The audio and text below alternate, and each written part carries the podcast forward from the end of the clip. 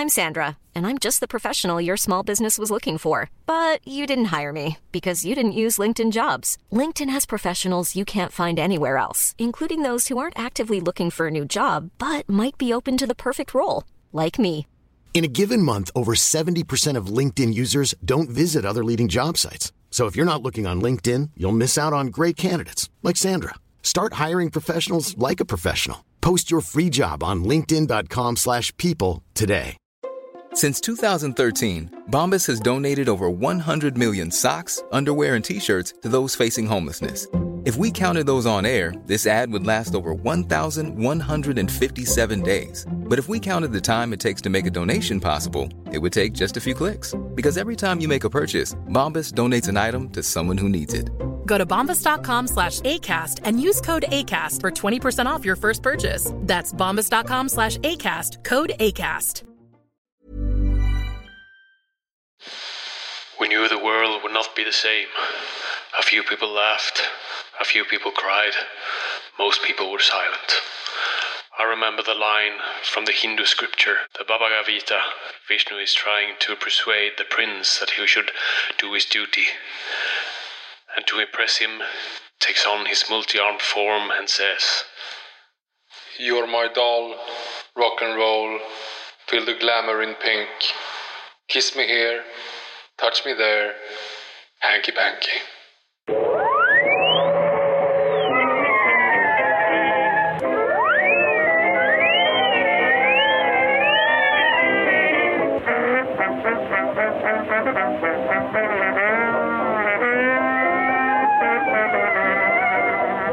Det börjar i er stort sett bara. Hej och välkomna till Nörden jag, det är jag som är nörden Fabian Lander. Och det är jag som är jag, Viktor Engberg. Jag vet inte varför jag säga Barbie, det var lite sjukt. Det var. Okej, förlåt. Ja, Det är jag weird. tekniker. Ja, förlåt. Det här är podcasten likt en frånvarande, frånvarande far som kommer och går precis när han vill, håller aldrig några löften och eh, ja, i- ljuger. Fullt medveten om att ni har stått i regnet och väntat på oss när vi ska hämta upp oss från fotbollsträningen. Att ni inte har gjort det, vi ber om ursäkt för det. Eh, vi har ju sagt att vi ska bli bättre på att släppa avsnitt mer frekvent. Vi håller inte vad vi lovar uppenbarligen. Men nu är vi här. Det har varit sommarlov, det får vi ju faktiskt medge att Ja, det har det varit. Man kan inte ha sommarlov för sina barn, Fabian. Eh, jag ber om ursäkt för det. Vi, eh, vi är tillbaka i alla fall. Vi gjorde en sån här grej. Vi har ju fått massa frågor, trots att det var sommar, som folk skickat så här. Hörni, Barbenheimer, hörni, Barbenheimer. Och för Ja. er som lyssnar i framtiden, Eh, Hej framtiden. så är det så att den här sommaren var ju i både eh, Weapons of Mass Destruction och Rosa. Vi har helt enkelt haft två stycken storfilmer som har varit på Box Office samtidigt och slagits hela sommaren om Box Office-siffrorna och vi har sett dem båda och tänker nu köra en liten snabb recension. Ja, nej men det, vi, vi, vi, vi- vi kan er vid det här laget att det så här, vi, hade, vi hade ju ändå tänkt liksom att vi ska mogna lite back to form och göra lite liksom vanliga avsnitt och sluta, sluta be er ställa frågor till oss för att fylla luft. Det är helt otroligt att förresten att ni... Man tänker varje gång att så här, nu, har- nu har vi gjort för många frågeavsnitt. De kan inte ha fler frågor. Och ni har fler frågor. Det är helt fantastiskt. Eh, men framförallt så förstod vi att ni vill nog, varför vet jag inte, men höra oss prata om de här två filmerna främst. Så att, eh, Så det kommer riktiga avsnitt snart, vi lovar. yes. Vi har Hitchcock i pipelinen. Ni på- Men vi ska klämma in en grej först. Va? Vi kommer Ska till vi? det. Ja, vi vi kommer till det. Vi tar Men det på ska vi, slutet. vi har ju lovat Hitchcock nu i typ nio månader. Ja, jo. Och den kommer. Ah, okej. Det snart, snart, snart kommer pappa. Menar du att jag har suttit och kollat på Hitchcock-filmer i onödan? Nej, nej. det- Och det är aldrig onödigt. Det är bara att det, du kanske får se om dem om du har det lite färskt i, i nyllet. Men Nyllet. Okej, nylle i ansikte va? det är ansikte. Just det. Pallen, pall...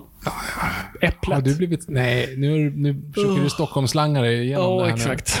nu. Eh, ja. Det, det är lite kul. Grejen jag har skrivit på nu, Mhm. Eh, som jag fortfarande inte vet om jag ens får säga. Men du måste för fan få säga där har ett avsnitt där, en av, där några av karaktärerna, jag visste inte hur jag skulle formulera de här, men, jag, men, men, men det var, de är antagonister i, i det avsnittet och då, då fick de prata Stockholmsnatts-svenska. Det är kul. Det är kul. Eh, men vi kommer tillbaka till det.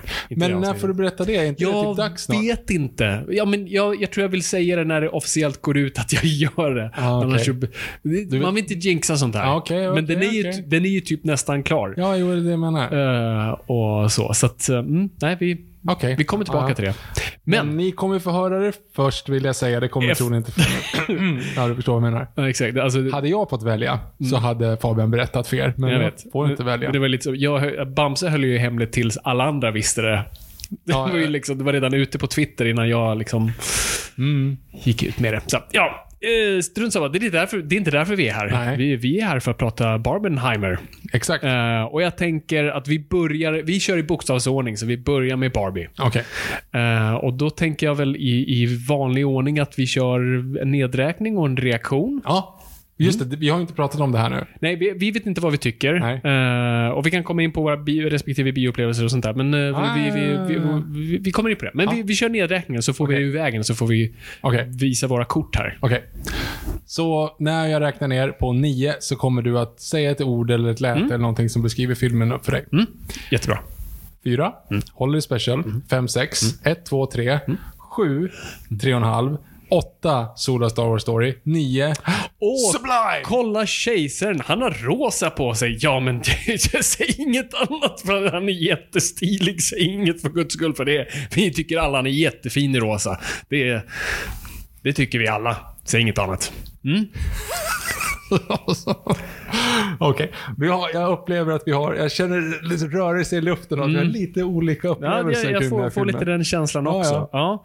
Okej. Ja. Nej, jag vet, inte, jag vet inte vilken ände jag ska börja. Så här. Okej. ehm, vi kan komma till bio- bioupplevelser. Jag var jättepeppad på liksom Barbenheimer-fenomenet. Jag tyckte det var kul, smart, en naturlig folkrörelse. Det var inte ett distributionsbolag som har försökt kicka igång det här. Det har vi sett nu i efterhand. Nu försöker distributionsbolag skapa sina egna Barbenheimers. Så du Cancelled och Mamma Mu? Eh, nej. Jag försökte göra Mamma Musel eller något sånt där.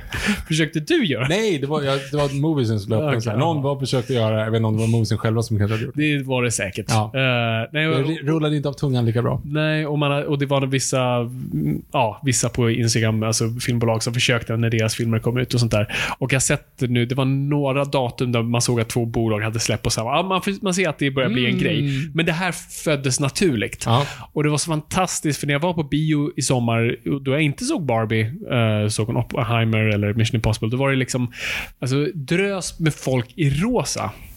Och, som gick på bio. Och det var så kul att se främst folk gå på bio och göra en grej av det. Ja. Det gjorde mig jätteglad.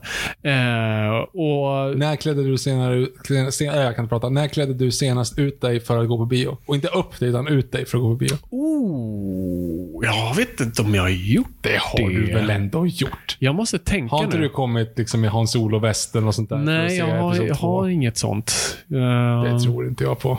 Men jag har ju ingen cosplay-grejer. Nej, jag vet, men du har ju sagt att du tar med dig typ Sagan om ringen-ringen när du såg två toner. Ja, det exakt. lovar jag att du gjorde.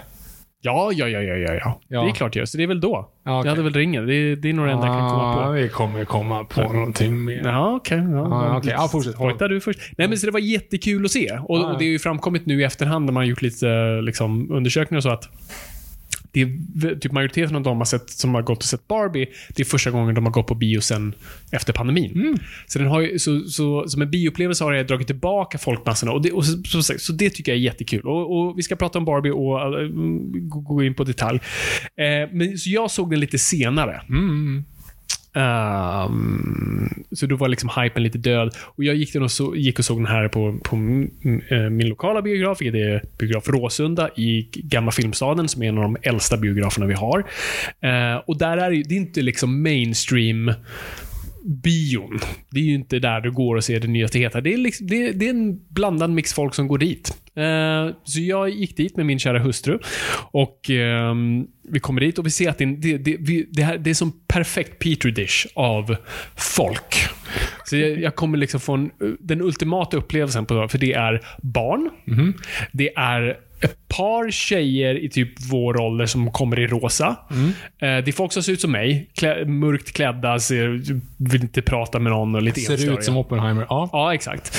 Ehm, och typ va, och vanligt folk. Så det var så här, ja men här nu, nu kommer jag få liksom en känsla för Mm. allt. Eh, filmen sätter igång och man märker att, för de här tjejerna klädda i rosa, de satt bredvid mig.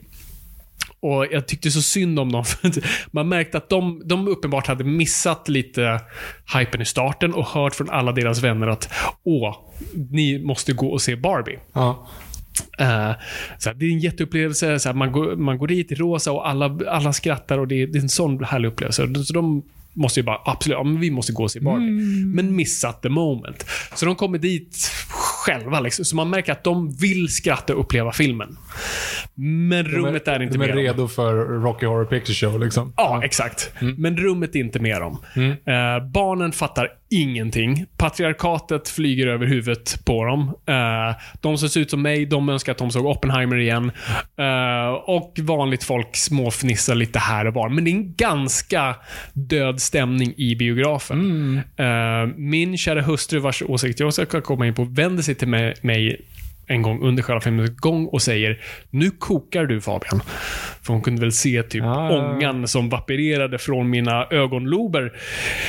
Eh, nej, jag tyckte inte om Barbie och så här. Jag kan förstå om du går med massa rosaklädda människor och det blir liksom ett moment och det blir hela paketet. Då kan jag förstå att det var en rolig upplevelse. Men som en film, som cinema, som Scorsese skulle ha sagt, är ju, är ju en förolämpning. På, på så många nivåer. Främst på storyplan. Alltså, absolut, den är snyggt gjord och sådär, men det är inte så jättesvårt för designen är ändå redan tagen direkt från liksom Barbie-klänningar och Barbie-hus och sånt där. Så det finns ju redan. Men, så, eller så här, den är bra, den är väl gjord på, på ett sånt plan. Och Greta Gerwig är en bra filmskapare, för jag kan komma tillbaka till henne. Men, men för mig var det en sån här... eh, Manuset var piss. Jag tyckte den förstod inte för vilken målgrupp den siktade på. Eh, den made no sense rent, ja, både storymässigt men framförallt världsbyggarmässigt. Det fanns i- Men så här- släpp sargen. Nej, nej, nej, nej. nej. nej men så här, även de mest absurda, du måste alltid köpa, eller så här, det är en hårfin gräns mellan, ja men du har Sagan om ringen här och vi måste förstå liksom, du köper att det finns hober och alver. Sen har du Skönheten och odjuret, där, nej men vi behöver inte förklara hårborsten, bara köp fantasin. och den här hamnar någonstans i mitten. Där jag liksom så här. Varför är de så... Okej, så här har vi Barbie-världen. Okej, och det är, lite, det är lite konstigt med så här, ja, man leker med... Den, det är en fysisk värld, du kan resa mellan världar och leker man med den Barbie-dockan där så påverkas det. Okej, skitsamma, fine det.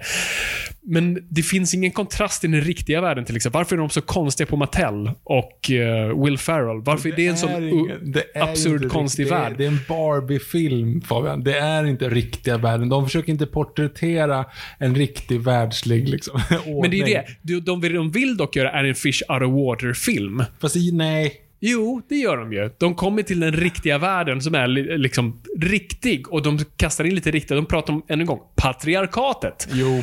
Ehm, än en gång, jag, alltså jag, jag tyckte hela filmen eh, slog liksom eh, krokben på sig själv och jag förstod inte vad den exakt gjorde hela tiden och jag blev distraherad och jag tittade på fel saker. Jag, jag sögs inte in i fantasin de byggde upp.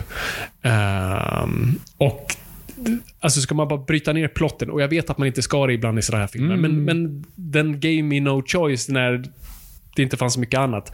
Så satt jag bara jättedistraherad. Och på ett annat plan då, för att komma till min kära hustru och bara för att ge liksom, hennes bonafides i det här. Hon är en person som hatar Grease för att det, den ger fel, eh, vad ska man säga, Signaler. Ja, fel signal, fel läxa till unga tjejer. Liksom. Att förändra dig själv till vad killen vill att du ska vara så kommer allting lösa sig. Så hon är ändå hon är på rätt sida. Eh, hon hatade filmen och tyckte den också hade ett jättedåligt budskap. Eh, på ett rent liksom. Vad var budskapet med det som var dåligt då? Nu kommer jag inte ihåg vad fan vad var det. Nu som sagt, nu var det länge sedan vi såg den här. Jag såg den i förrgår. Alltså, kontentan är ju i slutet är att typ, kvinnor och män ska, ska inte leva ihop, ska bara vara isär och förverkliga sina egna drömmar. Och, Nej, Barbie och Ken ska inte vara. Det är inte kvinnor och män.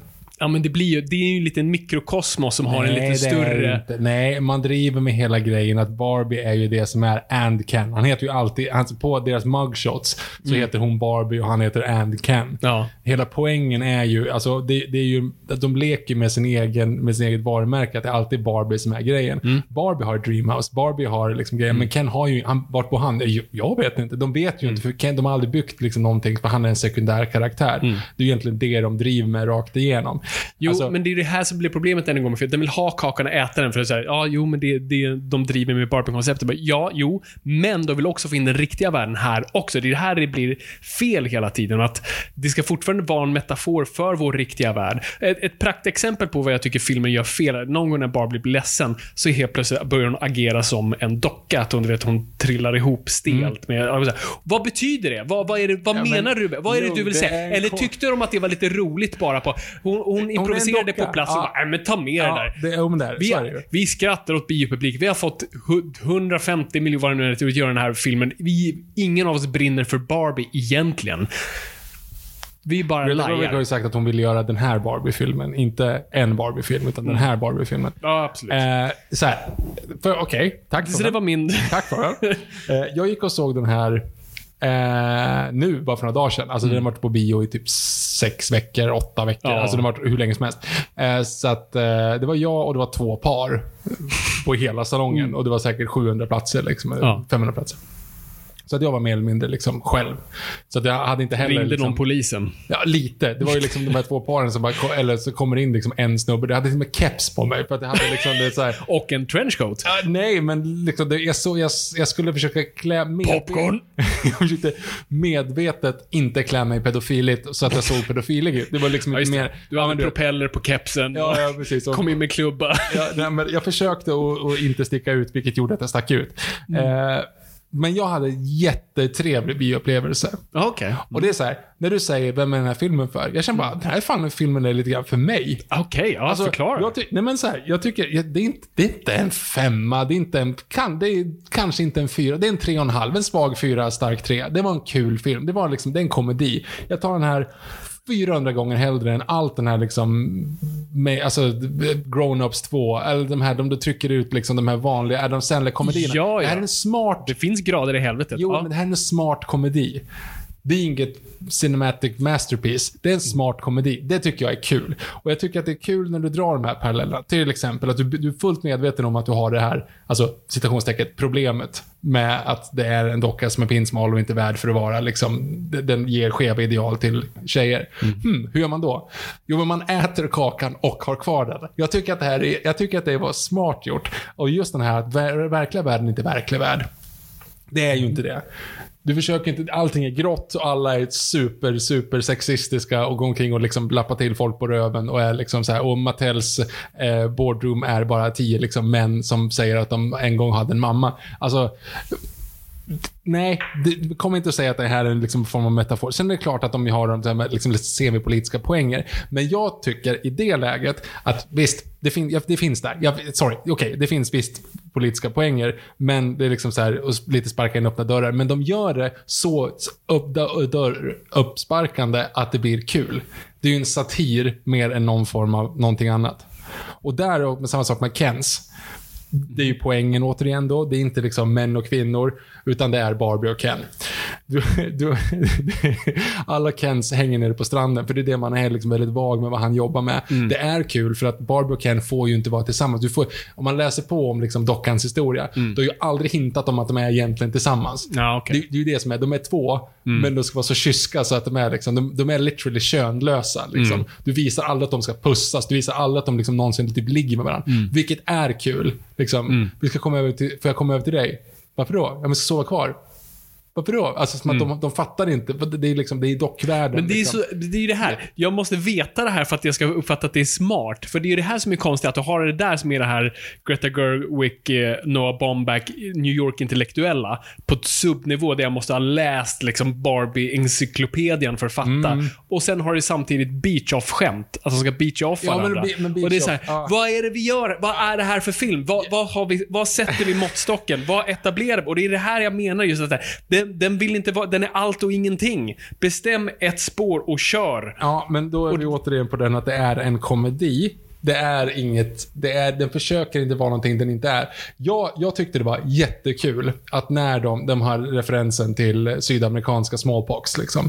När conquistadorerna kommer till Sydamerika så hade de ingen resistens mot, eh, mot sjukdomar. Det. Och det var samma sak när patriarkatet kom in i Barbel de aldrig hade utsatts för det, så att alla bara pang, blev sjuka direkt. Liksom. Och då gör de den här referensen när de ska visa hur liksom, åh nej, fall inte in i det där. Och då så är det liksom så här, jo, jag bryr mig visst om Zack Snyders cut of Justice League. Det tycker jag är ett jätteroligt Jag blev så upprörd för den där. Ja, Warner, är fuck you. Warner Brothers. Fuck you Warner Brothers. Så ska jag dra det där jävla dammiga Ja, skämtet. jag tycker det var kul. Alltså, Eh, snacka om ja. att bara ge fingret åt fel håll. Alltså, ah. Jo, men jag tycker att det är kul. Jag tycker att det är kul. För jag, fattar, skämt- jag håller inte... Så här, du kan se filmer. Jag kan sitta och, jag kan titta och kolla på Armageddon, som är liksom det... alla- Ja, dåligt exempel. Men du förstår vad jag menar. Men Armageddon eller Day After Tomorrow eller någon av de här som är liksom Independence Day. Ja. när amerikanska presidenten liksom leder anfallet Ja. och liksom Star Spangled Banner Ja. och garva åt det. Absolut. Jag gör samma sak här. Jag förstår liksom att så här, ja, det, det finns, jag, jag behöver liksom inte, du behöver inte ha allting literally bli upprörd för att det är liksom någonting som du kanske inte, som du tycker är liksom någon som trycker ner i halsen, att det blir en lecture. Det är för att liksom överdriva det, det är ju uppdraget, allt är uppdraget till 11 och det är kul. Den ser piss-snygg ut. Jag tycker att det hela liksom, så här, Barberland är helt fantastiskt. Jag tycker alla är on their A-game. Vi kommer komma till det sen, by the way, på hur man bara skådespelar skiten ur saker. Men de gör vad de behöver i det här läget. Det är en kul anekdot. Sen så här, ja men visst, storyn. Det här liksom, att det finns ett parallella universum man leker. Börjar skrapa lite grann så försvinner det. Men, Ja, ja, men det... men hela den här grejen är liksom, den här klassiska Allen. Han gjordes ett av, han gjordes en gång. Det finns bara en Allen. Det är kul. Du har de här, de här ehm, konstiga Barbies. Som de släppte, Midge, som blev liksom, uh, som var gravid. Ja. Barbie kunde inte vara gravid för hon ligger ju inte, det är Nej, ju liksom kyskhetsgrejen. Det är också samma sak där. Eh, men Midge är liksom gravid. Så här, didn't we cancel her? Och det hela, de liksom, och Mattel som de låter, de, det, är ju, det är ju kul. Mattel blir ju totalt idiotförklarade såklart, men man vet att de ligger bakom det. Men det är ju det som gör att det blir så här, de driver så hårt med sig själva att det är okej, fast de typ gör också upp till 11. In, allt är upp till 11. Look, du ser så arg ut Fabian. Ja, jag, jag, jag, jag håller bara inte... Jag, jag hör vad du säger, jag håller bara inte med. Jag ser, ett skämt jag tyckte var bra, det var att eh, det, det Ken lärde sig av patriarkatet var att det var män och hästar som styr. Ja. Det var roligt. Ja. Men bortsett från det. Men det- alltså, vad jag tyckte var intressant var just att sitta i den där biosalen och se alla demografier och när de var frånkopplade från varandra och inte var liksom i en, liksom, en enad grupp så flög det inte alls. Alltså, jag satt då, de här barnen satt framför mig. Det var sån här, föräldrarna var inte ens med för mamman hade bara gått och dumpat dem där. Liksom mina föräldrar när jag såg Pokémon-filmen, eh, de bara no. Ehm, så de var helt själva där. Och alltså, de gick på toa tusen gånger och till, till den gränsen att jag men de gör det här nu bara för att få göra någonting annat. Det var en instans och en av ungarna började plocka skräp och slänga. för att Men- det var så ut, uttråkad. Men, det, den, också, men då är det så här, titta på trailern. Du fattar, den här filmen är till för 30-åringar som bara vill koppla av hjärnan. ja. Den är inte till för barn. Den är inte till för cineaster som nej, ska skälla. Och den är absolut inte. till för jävla skäggiga snubbar i källare som har bashat den i liksom... Äh, Men det tror jag säkert de har. Nu verkar jag ha joinat dem. Eh, Ja, jag har... Ofrivilligt. Men, det- men, men alltså, jag alltså, på ett rent så här berätt, alltså, manusförfattaren i mig grät. Ja, men du behöver inget... Alltså, dum dummare. Det, Jo, men det, det är någonting helt annat. Eller, Det är dummare har fan en det. bättre story. Alltså, det, och liksom spikrak, vet exakt vad den är, vet exakt vad den gör. Alltså, Ja. den, kan du fan lära ut i manusklasser. Ja, okej, men... Den här kan du, alltså skulle du bryta ner den en gång på manusnivå, eh, håller inte vatten för fem öre. Okej. Och, och det är det. det är liksom, den, och det är ju för att den, alltså, hade den bara vetat vara, nej vi ska bara laja och ha kul, det ska vara som Step Brothers fast med Barbie. Ja men då hade den varit det och det hade varit fine. Eller nej, vi ska göra en eh, de- dekonstruktiv, um, meta, jättesmart som alla på The New Yorker kommer fnissa åt. Ja, men då gör vi den filmen. Men nu, nu ska de hela tiden säga, nej men nu måste vi göra för den här personen, den här måste gilla det, den här gruppen kommer gilla det. Alltså, det är så... Jag hatar filmer som inte etablerar och står för vad de är, utan gör lite av allt. Och, ty, och, kanske, och det är det jag kan ha svårt för Nu sa jag Step men lite sådana där filmer ibland när man bara man ser att de har testat saker on the fly. De tyckte det var kul att göra det på plats och Ja. därför följer det med filmen. Ja, men- ja. Och det såg jag så mycket av här. Va? Du, när då? Ja, men som till exempel den. den. grejen. Och nu som sagt, nu har jag inte sett den på typ två månader, för då jag såg den. Men det var flera gånger. Alltså jag, jag kommer ihåg att jag faktiskt satt och tänkte så här, jag, måste, jag skulle haft ett anteckningsblock med mig, för det är så mycket jag vill komma ihåg som jag inte kommer göra. Och jag tänker fan inte se den här igen. Så att, Men vad intressant. Jag tänkte liksom så här, jag, jag fattar ju vad så här, tänkte du att jag skulle tycka? Nej, men jag tänkte att du skulle tycka att det här är helt okej. För att det är kul. Alltså Ja, okej. Mark Hermods klassikern, liksom, om du, om du eh, skrattar sex gånger eller fem gånger Mm. så är det en kul film. Jag skrattade säkert 15. Jag tyckte den var svinkul. Mhm. Alltså jag tyckte den var genuint en jätterolig film. Och sen vet jag inte om det är liksom en New Yorker, som du, återigen då, att de som på New Yorker som kan sitta och fnissa lite grann. Mm. Jag kanske är dem. Men jag tyckte att det här var en genuint jätterolig filmupplevelse. Alltså, det, det, jag, nej, jag tyckte det var skitkul. Och sen återigen då, att det är liksom... Du, du måste du kanske som sagt du måste vara lite insatt liksom i då att Ken alltid har stått åt sidan. För det är ju det alla skämtar om. Ken är ju ingen. Ingen ville leka och vara Ken. Ingen ville, alltså när, när, du, när ni ville leka Astrid Lindgren-figurer när du var liten, inte fan ville någon vara Tommy. Alltså det är ju liksom den sämsta karaktären i hela allihop. Det är lite samma sak här. Hon kan inte vara ensam som måste ha Ken, men ska de tillsammans? Nej, jag vet inte riktigt. De är liksom, de är där bara. Det är Barbie and Ken. Ja, så här, när Och du då- förklarar det här, då är det kul. Jo, men och då är det kul att Kens är så jävla irrelevanta. Mm. De står på en strand och bara väntar på att någon ska titta på dem. Då gör de deras dag. Liksom. Eh, och, eh, och, nej, jag, jag, tyckte, jag tyckte det var, det var genuint jätte, jätte, jätte, jätteroligt att de hela tiden har liksom byggt utifrån... Skulle du fråga liksom en, en sexåring eller vem, hur gammal man nu är som leker med Barbies. Liksom. Mm. Ja, men Barbie hon har en häst, hon har en, ett, ett, eh, ett dreamhouse, en apa båt, hon har, och- hon har liksom att Ken då, eh, han är väl där. Alltså det, är liksom, det är så det är. Och det är det som Brian Gosling tycker jag också gör en väldigt liksom, ja, det är jättekul. Jättekul. Och sen när de väl tar in, alltså när de blir frat boys, när alla blir så här uppenbart absolut lägst hängande frukterna till att bli liksom douchiga frat boys.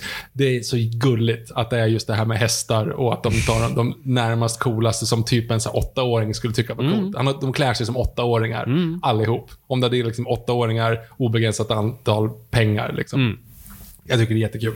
Eh, och, ja, jag tyckte det var, och sen så hela den här grejen med att de hade då de här discontinued Kens. Alltså Sugar Daddy Ken. Ja, just det. Finns ju på riktigt. Alla de här, alla, allt det här, allt du ser, alla liksom hus, alla bilar, allting är ju genuina Barbie-sets. Liksom, precis. som har funnits på riktigt, eller finns på riktigt, har sålts under någon period. Och det, är liksom, det är också en så här ögat till detaljer. Ja, jag tyckte det var... Ja, och, och det första gången, alltså inledningsscenen som är väldigt snygg, när, eh, 2001, den bikinin som Barbie står i är, det är den hennes första. första, allra exakt. första. Så, Ja. Mm. Och sådana grejer kan jag uppskatta också på ett så här på ett visuellt eller på ett så här, ah, coolt, cool IMDB-trivia. Mm.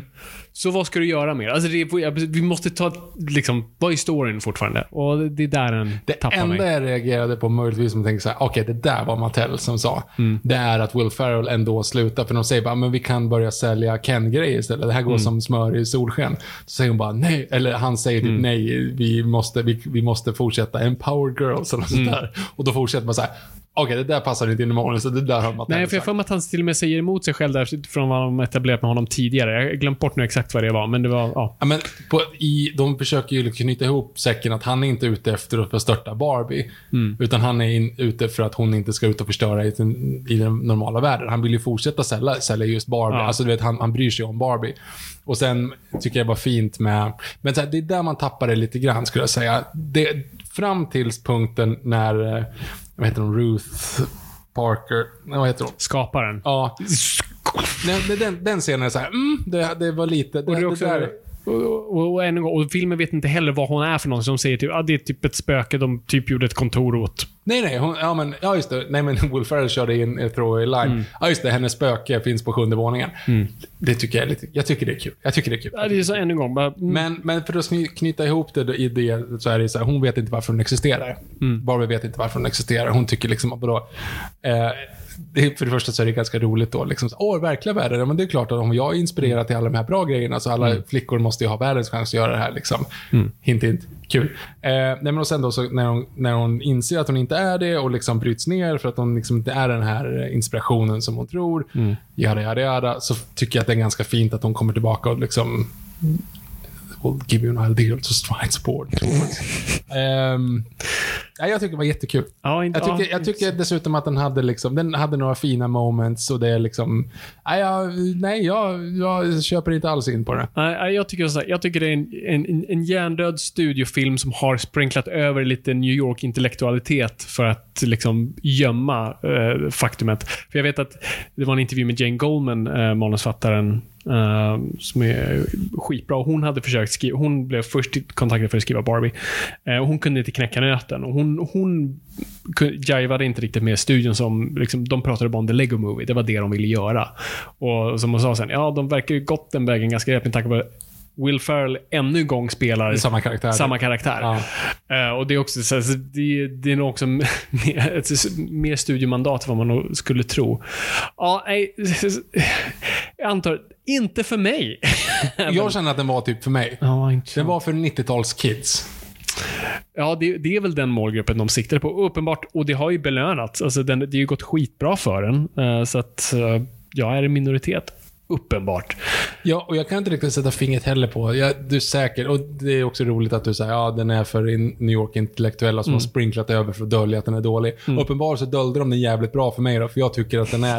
jag tycker det funkar. Men du är, du är ju smart och, du är lite, och, du, och jag vet att du gillar de här grejerna precis som du har dragit upp. Liksom, och jag antar att du, liksom, du gick till Wikipedia efteråt för att hitta de här grejerna. Ja, jag, jag googlade ju alla Ja, liksom, och- Midge, alltså bara Ja. discontinued 2003. Det var jättekul liksom. Ja, och du kunde ju även se det efter texterna var det ju, Ja. liksom, kunde man ju se... Jag gick väldigt, väldigt, väldigt fort när de tände upp ska jag säga, för att jag inte ville... Jag just såg det. inte eftertexterna. Du stängde trenchcoaten och Ja, sprang. ja, men ungefär. för att inte skulle, alla skulle vända sig om och säga, vem fan, hur såg han ut? Ja, ehm, nej, men jag tyckte i alla fall oavsett, eh, liksom, jag tyckte det var en, en rolig ride. Jag tycker att man har liksom, det, det är, det, när du säger Lego Movie så förstår jag vad du menar med den här grejen, att det är liksom en hyllning till sin backlog och med en moderniserad version av det. Jag tycker Ja, att och det är där jag tror liksom, eh, Lego Movie gjorde, all, gjorde de grejerna rätt, där den här gör fel. För, för, för det första, Meg- Lego Movie förstår vilken målgrupp den spelar för. Och den Ja, men och den- omfamnar det och kör. Och alla barn älskar den. Och så finns det lite roliga skämt för de vuxna. Men här, det funkar inte. Här är tvärtom. Det här, är, en film, det här är en film för vuxna. Ja, Ja, men det är ju det. Ja, ja, absolut. Och jag har inte, ingen har sagt någonting annat. Mm, Nej, alltså, ingen har sagt någonting annat. Den är från sju, den är Så- två timmar lång. I trailern så gör man ett sexual innuendo upp till 20 sekunder. Det finns liksom ingenting som vad, säger att det är vad, var det för movie trailers, äh, movie, tra- vad var det för trailers till filmer när du såg den här? Jag vet inte. För min var det bara barnfilmer. Nej, det, det var det Vilket inte. Det var inte brukar då antyda att distributionsbolagen siktar åt ett Nej, visst det- håll. det För det var var det liksom reklam Det för var- det var Trolls och den nya Disney-filmen och bara massa tecknat. Och när du säger det så var det en behind the scenes för Trolls 3. Var det, faktiskt.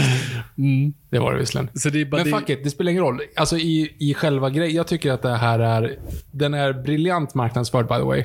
det är den. Nej men alltså, maskineriet bakom Mm. den här filmen är A+. Nej, jag tycker att det, jag, jag, jag hade jättekul. Jag är så glad för din skull. alltså, Sen fattar jag att folk kan gå in och... Alltså det är samma sak. Jag har ju tre männingar som gick in och så, som sju och nio år Små gamla. kusiner för stockholmare. ja, som gick in och såg eh, Tomten är far till alla barnen på bio. Mm. Som sju och nioåringar för att man inte fattar vad det är för film. Och det, har, det har funnits i alla tider. Ja. Men det är ju egentligen inte filmens fel. Och dessutom tycker inte jag, så här, den är inte marknadsförd heller mot barn. För det står tydligt som sagt, den är från sju år. Det är liksom... Sju år, det är ändå, det är barn. Jo, men den är från sju, den är inte barntillåten. Nej, det är visst. ingen bar, alltså, Lego Movie är barntillåten. Mm. Lego Batman Movie är barntillåten. Mm. Alltså det är liksom, det är, det är en stor skillnad i det faktiskt. Ja, ja, men barn kan fortfarande se Och sen tycker jag att det är kul att gå ut på att de ska, alltså sista scenen. Det är att de ska till gynekologen. Det är jättekul. Vad var det kul? Jag förstod inte skämtet. Nej men det, nej men alltså helt plötsligt under, alltså, I'm a real boy now. Ja, okej, alltså, Pinocchio. Pinocchio-grejen. Okej. Mm. För det är inte nog att hon överhuvudtaget, men nu har hon blivit en person. Ehm, och att hon då går ut ifrån att vara the ideal Barbie mot att bli en, en riktig pojke, så att säga. Mm. Medan ideal, eller vad säger jag, en idé kan man inte döda. Det är någonting annat. Men hon vill väl en människa. Skitsamma. Jag tycker att den var, jag tycker jag hade jättekul. Jag hade jättekul. Ja, nej, och det kan jag inte klandra. Det, Nej. det... Hör av er på hashtag Noipod. Ja, precis. Vi, eh, Har Fabian kärlek i sitt hjärta? Ja, just det. Alltså, så här hörni. Alltså, jag, har, jag har kärlek i mitt hjärta. I- Inte just för den här filmen bara. Det, det, och det har varit mycket av det den senaste tiden, jag vet. Men det, det, det, det är inte ett kvitto på mitt hjärtas kvalitet, utan det är bara det är slumpen. Det råkar vara så. Mm. Så ja. Det är jättekul. ja. Kul för dig. Ingen i min biograf hade kul. Men, eller de två tjejerna hade. Eller de hade kul i början, men sen insåg de att ingen annan skrattade. Jag fick så dåligt samvete för det. Jag ville nästan låtsas skratta för att liksom hjälpa Man dem hade kunnat sitta med mig. Ja, det, det hade nog varit bättre för dem. Stackarna. Ja, ja. Ska vi hoppa över till nästa? Det tycker jag. Men först går vi till reklam. Oh. Hi, I'm Daniel, founder of Pretty Litter. Did you know cats tend to hide symptoms of sickness and pain? I learned this the hard way after losing my cat, Gingy. So I created Pretty Litter, a health monitoring litter that helps detect early signs of illness by changing colors, saving you money and potentially your cat's life. Pretty Litter is veterinarian developed, and it's the easiest way to keep tabs on your fur baby's health right at home. Go to prettylitter.com and use code ACAST for 20% off your first order and a free cat toy. Terms and conditions apply. See site for details. Since 2013, Bombas has donated over 100 million socks, underwear, and t shirts to those facing homelessness. If we counted those on air, this ad would last over 1,157 days. But if we counted the time it takes to make a donation possible, it would take just a few clicks. Because every time you make a purchase, Bombas donates an item to someone who needs it. Go to bombas.com slash ACAST and use code ACAST for 20% off your first purchase. That's bombas.com slash ACAST, code ACAST. There's never been a faster or easier way to start your weight loss journey than with PlushCare. PlushCare accepts most insurance plans and gives you online access to board-certified physicians who can prescribe FDA-approved weight loss medications like Wigovi and Zepbound for those who qualify. Take charge of your health and speak with a board-certified physician about a weight loss plan that's right for you. Get started today at plushcare.com slash weight loss. That's plushcare.com slash weight loss. plushcare.com slash weight loss.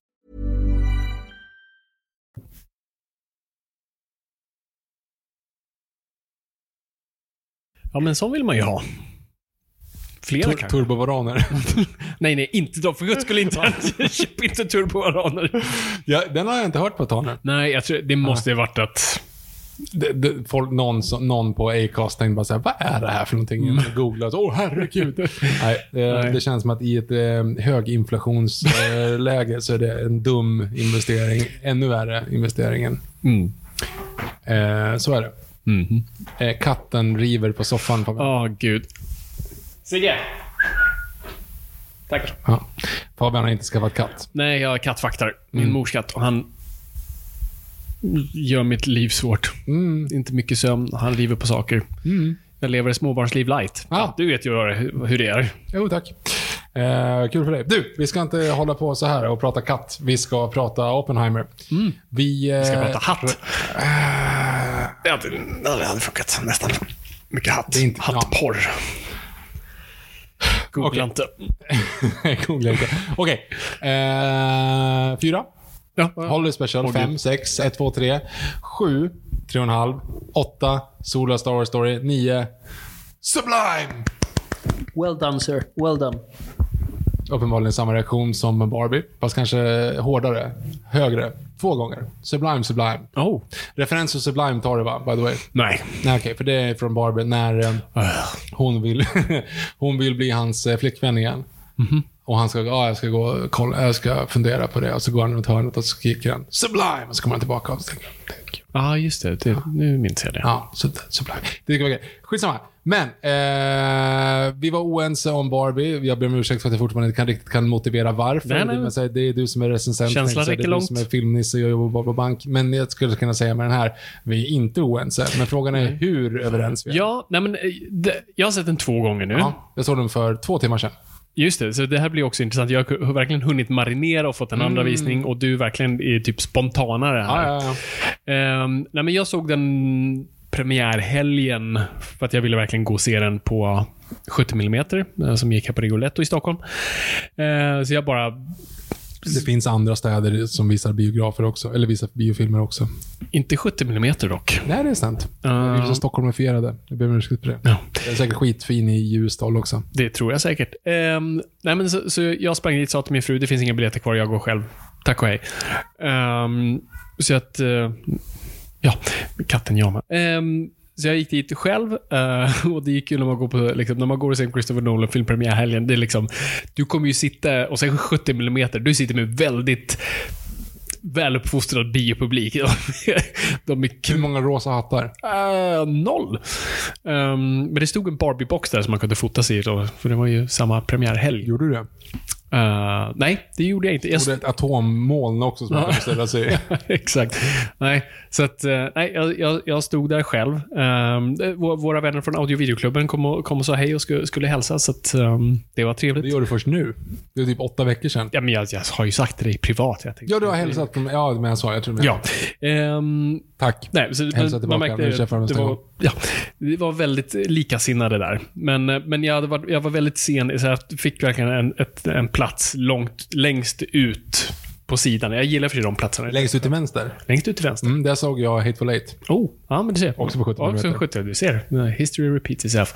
Ehm, så jag såg den på, och det var ju fantastiskt bara den upplevde. Det, det är kul att se. Alltså det är ju inte perfekt. Man märker ju liksom när, när rullen byts, som ställer in fokus. Det blir liksom, ja, men det är del av charmen.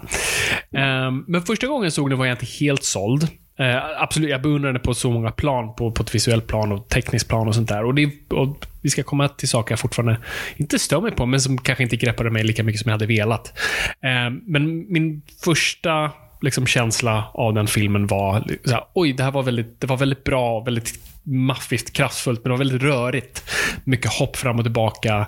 Ehm, och jag förstod inte eh, allt hela tiden. Och, och, det är det här, och där visste jag inte, är det filmens fel eller är det mitt fel? För att när man ser en film från någon liksom man beundrar, om det är Nolan eller Paul Thomas Anderson eller Tarantino, man kollar på alla saker samtidigt. Man kollar på fotot, man lyssnar på ljudet, man, man analyserar manus, man tittar på allt och det här och uppfattar ingenting. Så att jag visste ju att jag skulle behöva se den en tillgång. Och jag hade tänkt fånga den på IMAX, men eh, det fönstret stängdes konstigt nog. Så att det blev inte förrän nu då, när vi gick och såg den tillsammans. Um, fortfarande väldigt väl projicerad och bra. Eh, och, jag, verkligen, och det var så här, jag blev lättad när jag såg den nu att säga, åh, man behöver inte bara se det här på maffigaste, frä, fräckaste, högupplösta, utan vanlig bio är det fortfarande väldigt kraftfullt. Eh, och andra gången jag såg den så landade den mycket bättre för mig. Eh, men jag har fortfarande lite små grejer, men vi kan komma in på det. Viktor? Jag tycker den var jättebra. Eh, den här också. Nej men, det- är en... Eh, det är en beundransvärd film på så jävla många nivåer. Mm. Och det är, en, det är en story som i sig är hundraprocentig. Det är alltså, hisspitchen är mannen som uppfann atombomben ångrade sig relativt snabbt. Mm. Det är liksom, eller ångrade sig direkt mer eller mindre. Det är liksom en, det är, det är en bra hisspitch. Ja. Men sen så lägger du in hela kommunistspåret och hela den här grejen kring... Eh, ja, men det, det finns ju så många olika... Och där kan man ju fundera på courtroom-drama nummer tre som det blir. Liksom. Är det nödvändigt för storytellingen? Halvvägs igenom var så här, mm, det hade egentligen inte riktigt behövts. Nej, precis. Och, och det är där jag tror jag och filmen inte riktigt var överens. Eh, för jag, jag trodde mer på, den här boken är baserad på boken American Prometheus. Jävla cool titel. Jag önskar att de hade tagit det. Eh, men, men den här heter Oppenheimer. Och det var det som slog mig nu här. Ja, ah, just det. Nolan är... Jag vill se storyn om Manhattan Project. Det är det jag är intresserad av. Och det har jag läst mycket om och kan liksom ha verkligen, och säkert nu efteråt, gått tillbaka och, och kollat mycket dokumentärer och YouTube-klipp och sånt där. Det är alltid lika fascinerande och mycket av de andra projekten eh, på, på Los Alamos. Men ehm, men, den här, men Nolan är så mycket mer... Han vill berätta om mannen. Liksom, Världens viktigaste man. Som de en gång säger, som Nolan också sagt. Det här är liksom den viktigaste mannen som någonsin har funnits. Eh, och han vill berätta hans story. Och vill göra det från, inte från han föds, men nästan till liksom senare i livet. Eh, och han vill, och det han, och jag förstår vad han gör och varför han gör det. Jag vet inte ifall han verkligen slår en homerun på den. Och som du är inne på det här med courtroom drama. För det han någonstans tänker är att hur gör vi en spännande film där vi alla vet hur det slutar? Det finns jättemånga exempel på det. Vadå menar Hur du? man kan göra en spännande film. Ja, ja, absolut. Och vi har dragit exemplen på dem. Men du måste göra någonting annat. Du kan inte bara liksom kommer den explodera? Det är roligt att han ändå gör ganska bra av det, för du sitter där. Ja, jag jag såg, var- du, jag- jag- nej, men- du satt och jag- vred och ja, vände Det var helt sjukt. Jag var skitstressad. Inför Trinity. Det var jätteweird. Alltså, jag, jag, jag, jag vet, jag, jag tänkte på det själv. Så bara, varför sitter jag inte still för? Ja, exakt. Du vet ju vad som kommer hända. Eh, men det kommer jag ihåg själv, nu är många tror jag, men jag, det, och det här är så smart av Nolan på ett annat plan, för att han vet vad cineasten är ute efter. Jag var ju själv såhär, hur ska de göra atombombexplosionen? Det var det jag satt och väntade på. Hur kommer det här se ut? För det har de hållit undan för oss. Nolan vet att det är det vi, vi, vi vet att han kommer göra det praktiskt. Och hur kommer det se ut så alla sitter på nålar? Det, det är smart. Men hur som helst. ehm, han vill bygga in andra saker. Till exempel, vad var det Oppenheimer sa till eh, Einstein?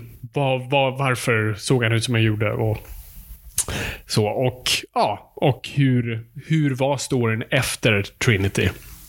Så vi kanske inte alla vet om. Och där bygger Nolan en intrig och eh, eh nästan ett courtroom drama, ett mysterie. Alltså by- kastar in många saker. Men det är där, det, kan, det blir lite för mycket saker. Eh, och, och, jag, och jag reagerade även den här gången att jag sitter, och- alltså nu gör jag det här visuellt, men alltså, jag, jag, jag tittar sporadiskt, alltså min, min blick går överallt och så här, jag försöker hänga med alla namn, allt som händer. Det är, väldigt dialogtungt, det är väldigt mycket information som kastas ut, väldigt mycket missförstånd och tolkningar av händelser som vi ser om och om igen. Ehm, Alltså när Robert Downey Jr.'s karaktär verkligen förklarar saker, man försöker bara hänga med.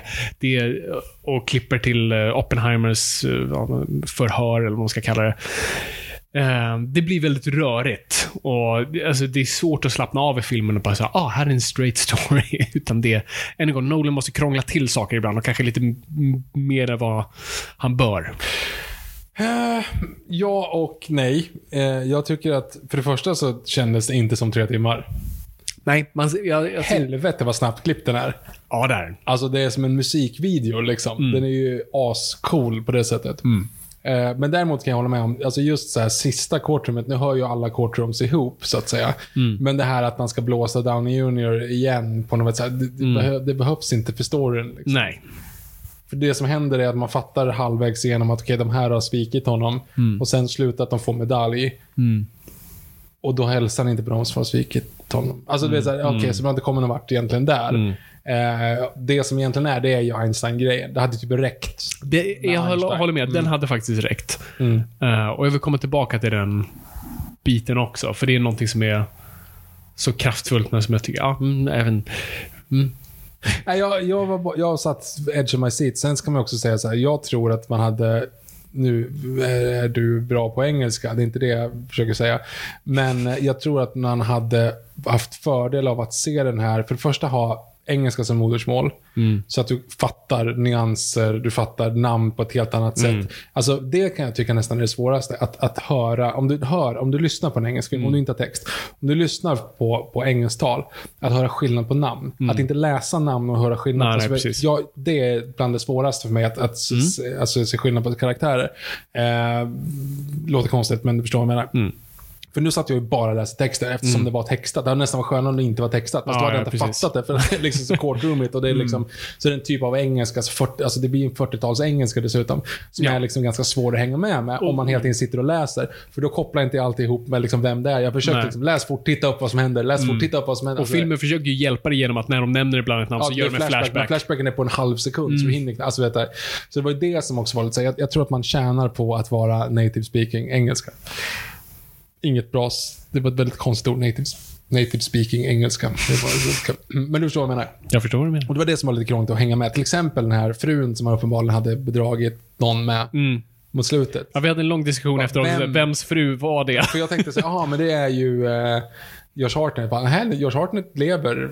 Här, Okej, men var det Matt Damon? Matt Damon, inte- nej, Matt Damon lever också. Att, vi så här, jag, jag fattar inte den här vem det kommunisten var. bara, nej, men han var inte nej, där. Han var ju också där. Alltså, det, det, det är slut på karaktär, tänkte jag säga, för det var väldigt mycket karaktär. Så det var inte här. Men det var också konstigt att etablerat. Ja, och det är där också Nolan ibland lite blir, och, för jag vet själv den här grejen, när jag, alltså när man adapterar jag var ju en släng, en sväng på, jag gjorde en version på Utvandrarna, det har jag sagt här va? Det är jag ganska säker på. Det Jag tror det. Jo, jag, jag har sagt det.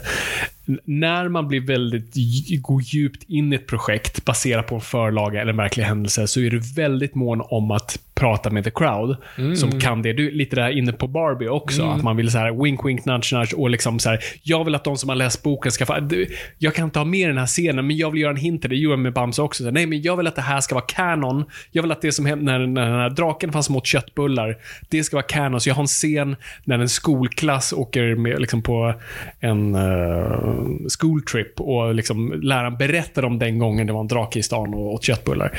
Och alla bara, men Fabian, vad säger det om story? Vad är... Det är inte story. Det är ju liksom... Och, en, och Bamseförlaget uh, väldigt smart på att vi kollar aldrig bakåt, vi vill bara blicka framåt. Här är Nolan väldigt mycket för att just den här, att, som du var inne på, att de har haft en affär. Det hände, hände väl säkert. Ja, Men vad- det säger visst någonting. Jaha, okej, det kanske det Det gör. säger visst någonting. Okej, vi kan komma tillbaka till det. Ah. Men, det, men det, det jag vill komma till är just, det var många bitar som är så här, ja det där händer nog säkert och det där, och de refererar nog säkert till någonting här som någon vet vad, exakt vad de menar. Ja. Och det, men det är där, det geggar ihop massa, massa saker. Och det är här jag blir väldigt spridd på massa information som kastas in. Det är inte så rent berättande och det, är, och det har Nolan aldrig varit känd för att spela. liksom, han inte varit... Han behöver, han behöver göra en David Lynch, The Straight Story. Han behöver berätta en film om en gubbe på en traktor som ska från punkt A till punkt B. Han behöver nog det. Typ. Ja, faktiskt. Ganska straight forward. Mhm. Eh, Jag håller inte med alls. Jag trodde att du skulle plocka den, alltså referensen till att han bedragen med kvinnan där. Exakt scenen efter vi får reda på att han har legat med polarens fru, men att han är, att han är död. Mm. Så sitter ju den snubben sen och försvarar honom och får frågan så här, är han kland- hur är han som person? Han är oklandervärd. Han är liksom en ren... Mm. Ja. Han, han direkt efteråt sitter ju han och berättar hur jävla perfekt person. Så vem var det då? Men det vet jag inte. Men jag skiter i vem, vem, vem, vem, vem mannen var. Ja, ja. Men hela storyn berättar att han hade en affär med en, extra fru, så att säga. Någon annans fru. Mm. Det berättar ju sen, det, det blir ju liksom grejen att han, han har någon som stöttar hans, hans alltså det är så jävla anglofilistiskt, jag kan inte prata nu. Vad heter, vad heter det? Vad heter det? Anglofistiskt. Anglofierad. Anglofierad. Åh gud. Det är, det var anglofierad nu, att jag inte kan komma på vad det heter på svenska. Men han har hans rygg, så säger man inte, got your back. Han har hans rygg så hårt så han säger så här, men han är oklandervärd. Han har inte gjort någonting. Och då har han precis fått reda på att han har liksom legat med hans polares fru. Ja, okej. I haft en affär med hans polares fru. Men han släpper det, för han bara så nej men en oklandervärd människa. Ja. Det är scenen direkt efter när han vittnar. Så att det finns visst någonting som berättar om det. Men, eller vad, vad är det med att den scenen säger att när han har hans back? Så att säga. Nej men alltså, nej, men alltså de, de, eh, han, han är, han är stöttad av sina forskarpolare. Okej. Alltså jag menar, det är, inte, det är bara en sakens skull att han blir Mm. inkastad som, en, som ett vittnesmål. Han är kanske inte så jävla eh, skrupelfri egentligen. Nej, och det vet vi ju. Ja, jag vet inte. Jag, jag köper inte den 100%. Men jag, det, men det är det de försöker göra. Ja, det, det, är inte men, det men jag tror, jag tror det, det tar bort mer än vad det ger. Det, är mm. det sätter in en till aspekt. Bara, Aha, vänta, okej, och vad är det där säger? Och vad är det... Jaha, okej, och och så blir man lite... Och så tänker man på det i 15 sekunder och på den tiden har du missat en jävla massa information igen. Och det blir lite... Så, att, nej, så det, det är väl där jag känner att filmen lite... Den vill, vill ha kakan och äta den. Den vill göra väldigt mycket. Den vill göra allt. Man märker att Nolan är jättepassionerad över det här och han vill, han vill berätta så himla mycket om mannen och, och den etiska aspekten och sånt där. Men det, en gång, det blir lite luddigt ibland. Eh, och jag kände ju, allt som hade med Manhattan Project var jag liksom gogo gaga för. Det var Mm. liksom allt, och alltså fysiken och, och det vetenskapliga helt fantastiskt. Alltså egentligen hela första halvan av filmen, egentligen allting upp till Trinity tycker jag är liksom Mm. klanderfritt. Eh, men sen blir det som sagt blir lite luddigt. På tal om Trinity. Där, och där var det tyvärr en liten antiklimax för mig. För jag... Vad tyckte vi om explosionen? Det vi har byggt upp till. Det, det är det trailern har liksom... Ja, alltså det var väl fräckt på bio. Mm. Men eh, det var ju inte liksom Interstellar Nej, visuals direkt. det, det var där, och det är där en gång Nolan slår lite krokben på sig själv. För att det är den här, han är ju så mycket för hyperrealism. Och ibland så pass mycket att han tappar lite, det var det här Kubrick sa, att film är inte verkligheten, eller film är inte bilden av verkligheten, det är bilden av bilden av verkligheten. Att, du, att du hela tiden måste liksom fatta att du kan inte ta någonting, och det har vi pratat om när det kommer till filmmanus, om någon säger så här, och som jag berättade om som när jag var dramaturg, att någon sa, och jag sa, ja men ta bort den här scenen, och personen sa, jo men det här har hänt mig. Och det är Och jag sa, aha, och, och? ja, jo, jo, men det, har hänt, det här hände. Ja, men, det skiter jag i. Det är, liksom, Ja. det det kommer inte någon förstå. Eh, och det är lite där Nolan ibland, just när han ska ha, liksom allting ska vara gjort på ett praktiskt plan, att det är då, visst det är gjort på riktigt och det ser maffigt ut, men det, det ger inte den, den effekten man önskar. Alltså du vet, atombombsexplosioner och som vi alla sett på YouTube, eller kom, man kommer ihåg när man själv såg det på of dokumentär. Our Fears. Nej, jag har glömt bort. Ben Affleck och eh, Morgan Freeman. Just det. Den handlar ju om att de har stulit en Mm. nuclear war. Den sprängs ju i den. Den här helikoptern som får en tryckbomb. Just det. ja. Det var, jätte, Mm. det var ju verkligen så här eh, trailer moment. Ja. När den sprängs. Precis. Och vi har ju sett jättemånga på film Mm. och vissa har varit mer effektiva än andra. Men när du ser en atombombsexplosion som man har gjort dokumentärfilm och sånt där. Och Jag kommer ihåg, jag hade en, en, en, en, en SO-bok i mellanstadiet. Eller bara historiebok var det väl. En Sån här klassisk som alla hade. Och i, något uppslag så var det handlade om atombomben. Och Jag gick alltid tillbaka till det uppslaget på den bilden på, jag kommer inte ihåg vilken av explosionerna det var. För det var någonting otroligt fascinerande obehagligt, eh, domedags. Alltså det, var något, det var någonting som alltid drog en till det. Och som fortfarande, det är någonting med atombomben sån här så otroligt läskigt. Eh, vilket är så otroligt fascinerande. För att, och det är ju för att det kommer med så många grejer. Men det är, i slutändan är det en bomb, som så mycket annat. Det finns mer till den. Men det är en bomb. Eh, och, och, men den kommer med så mycket bagage. Alltså skulle någonting hända nu, Ukraina och Putin och han skulle... Alltså, resultatet av det skulle vara så mycket större än bomben. För det, det kommer med så mycket vikt av det. Skitsamma. Och, och det, men det är det jag vill se när jag ser en atombombsexplosion. Det är den känslan jag vill ha. Och det här såg ut som bara jävligt mycket bensin de antände. Jo, men de, han sprängde ju på riktigt ju. Ja, exakt. Alltså, och då får det är ju inte... så där det ser men, ut. Ja, exakt. Om du tä- antänder Ja. bensin. Och, men det fick man tänka, för jag har fått mycket min algoritm. Kommer du ihåg den här, vad var den här jättestora explosionen för ett par år sedan? Ja, i, ja, i hamnen där. I ja. hamnen i... Jag vill säga Jemen, men det var Nej, det var inte Jemen. Det var Jordanien? Nej, inte. Ja, det här Skitsamma. låter ja, nu är vi kulturellt västliga. approprierande. Jag vet inte. Ja. Ni vet, det var en enorm jävla explosion. Var det fyrverkerifabrik eller vad fan var det? Nej, men de hade en massa de var konstgödsel. Det var ju något så här, de hade förvarat något as-explosionsfarligt Ja, i en hangar för länge. Liksom. den dyker upp i min algoritm väldigt ofta för att jag tittar på den väldigt ofta. För det har ju dykt upp nu med åren, liksom olika vinklar folk har fått. Och, det, och den ger mig en sån här existentiell ångest. Och, och det är ju någonting otroligt häftigt att, eftersom det är en atombombsexplosion, man kunde verkligen fånga den på ganska nära håll. Och ja, hyfsat nära håll och fortfarande överleva. Och, Beirut. Beirut. Alltså när du ser liksom smällen och det tar lång tid innan ljudet når en och sånt där. Nu säger inte jag att Nolan skulle ha samlat ihop 50-11 ton konstgödsel och antänd. Jag tänkte bara man hade kunnat kanske experimenterat med, med lite olika material. Ja. För att ge någon form av effekt jag inte känner att den här... För det är det atombomben och säkert eh, alltså Trinity-projekt, alltså när... Eller Trinity-projekt, Trinity-testet, när det väl gjorde, alltså det finns ett före och ett efter det. Eh, man pratar om före och efter Hiroshima, men det, men det, är, det är Trinity, det börjar. Eh, och det som, och det kända citatet som vi alla känner till Oppenheimer för, I've become- death and destroyer of worlds, det är det refererar till när de bevittnar bomben för första gången. Vissa skrattar, vissa grät. Och det var inte det jag kände att den här explosionen sammanfattade för mig. Förutom när ljudet slår, då jävlar. Ja. Oh, ja, shit. Ehm, men jag fick inte den här, aj, det här känns in i själen, någonting är fel. Eh, jag fattar vad du menar. Jag, jag tyckte det var asfräckt. Jag, men det är också så här, samma, sak, samma sak som med Barbie. Nej, men att man, har man bakgrundsinformationen, vet man att, att det här är liksom, man vet vad de refererar till. Och vet man att Nolan effing sprängde en atombomb på riktigt. Då är det såhär, ah, ja, jag kan inte säga någonting. Det här är liksom, helvete vad coolt. Ja.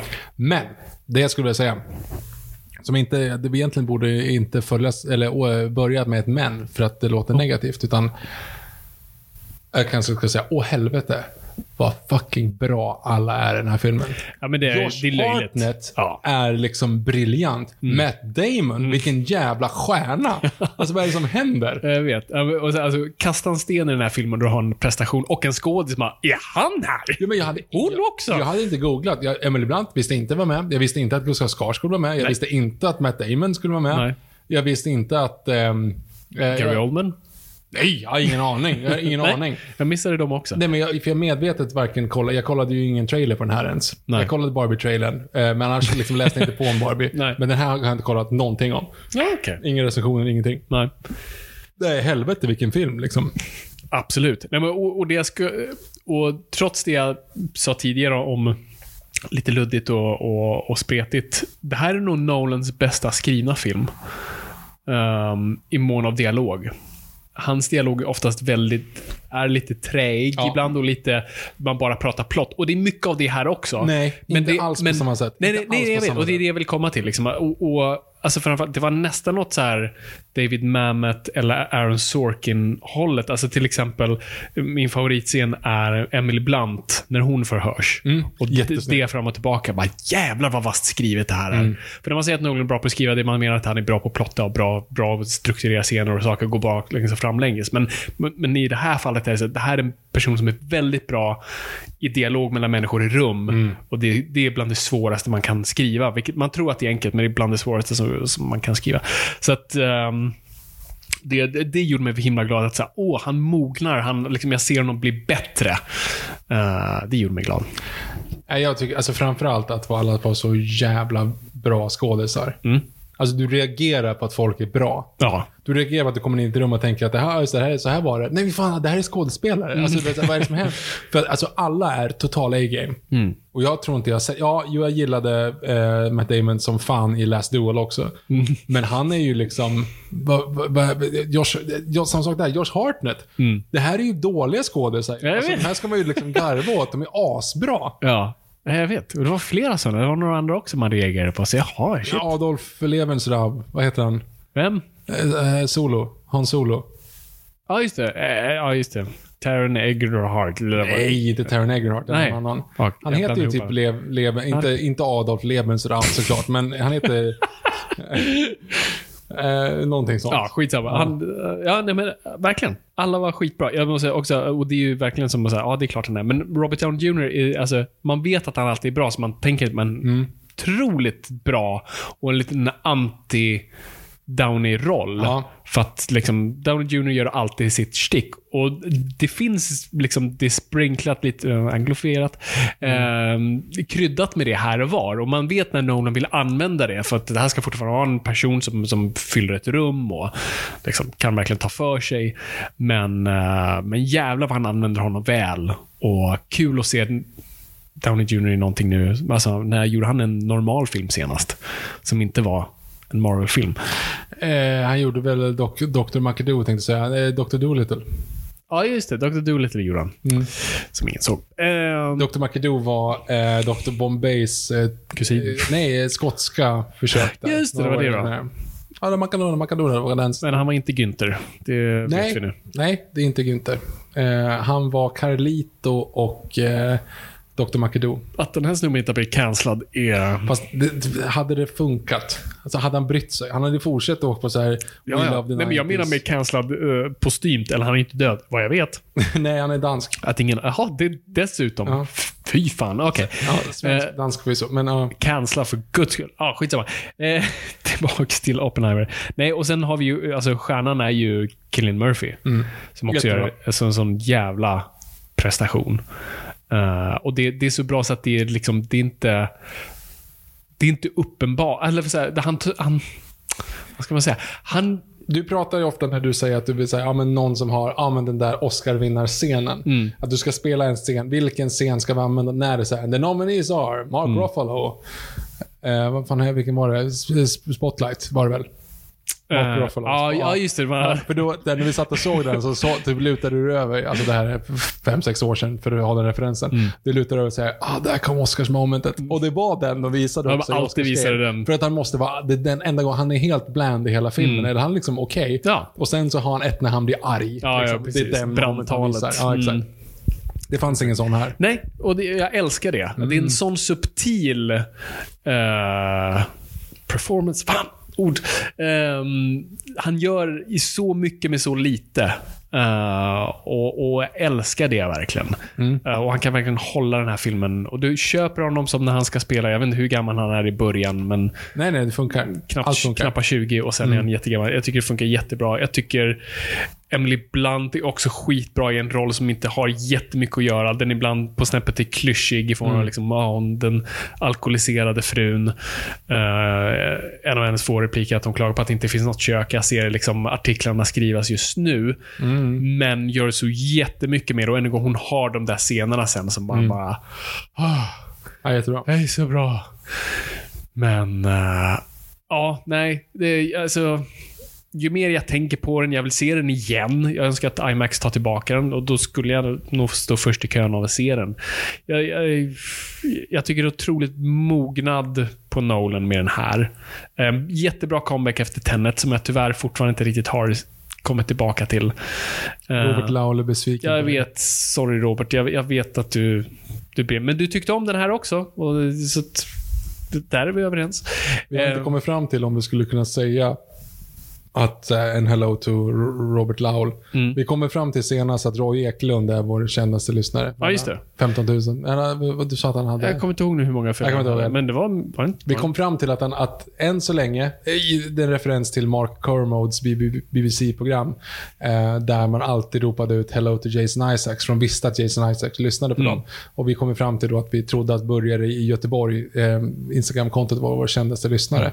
Sen kom du fram till att vi har en som är kändare, som, en, som hade typ, jag tror han hade 10 000 lyssnare, eller följare på Instagram. det var nog Då är man lätt Ja, ja, du- vår kändaste följare än så länge. Så att... eh, Så är du kändare så, så Hör come om forward. Du, om hör av dig om du känner en Roy Eklund, så vi säger hello to Roy Eklund. Men du, Fabian. Ja, ja. Jag har fått massa brev. Oj. Eh, I alla fall fått ett brev. Eh, referens till Bertil, Robert Gustafssons Bertil, om du tog den. Ja, mm, nej. Va? Nej, jag tog Kommer du ihåg. Bertil? Nej. Ja. Jaha. Ja, ja. Ja, tack. Ehm, han sa att vi, att jag Robert Gustafsson? nu. Nej. Eh, vi har en lyssnare som, som hörde av sig och sa att jag borde förhöra dig mer. Att På göra vad? En mer, ja, men att göra en mer we, When We Were Kings, att ställa de här klassiska liksom, quizfrågorna nej. rakt igenom. Jag har gjort det några gånger tidigare. Du har varit eh, bra på det. Men, på temat. Box office-mässigt. Mm. Oh, Oppenheimer ja. har ju gått jättebra. Den har gått väldigt bra. Men hur bra? Eh, är den inte i 600 miljoners klubben nu? Eh, det, jag, jag måste nu faktiskt go- vi googla utan... Eller att vi Nej, du kan IMDB. googla. Det är inte... IMDb. Just nu så ligger den, som den säger enligt Box Mm. Office Mojo, på eh, 788 miljoner. Oh. Ja, alltså, Vilket gör den till den mest inkomstbringande andra världskriget-filmen Oh. någonsin. Men, Fabian. Jag har nu en lista här på topp 10. Jag vill att du ska sätta fem av dem. Andra världskriget-filmer. Ja. Oh, Okej, Saving Private Ryan kommer ju vara där. Simple Ryan är trea. Om, om vi... Om vi Ja, här, nu måste vi också komma på lite regler. ja. Eh, för jag försökte sätta upp den här liksom, listan utifrån Box Office Mojo. Det här är inte justerat för inflation, ska jag bara säga också.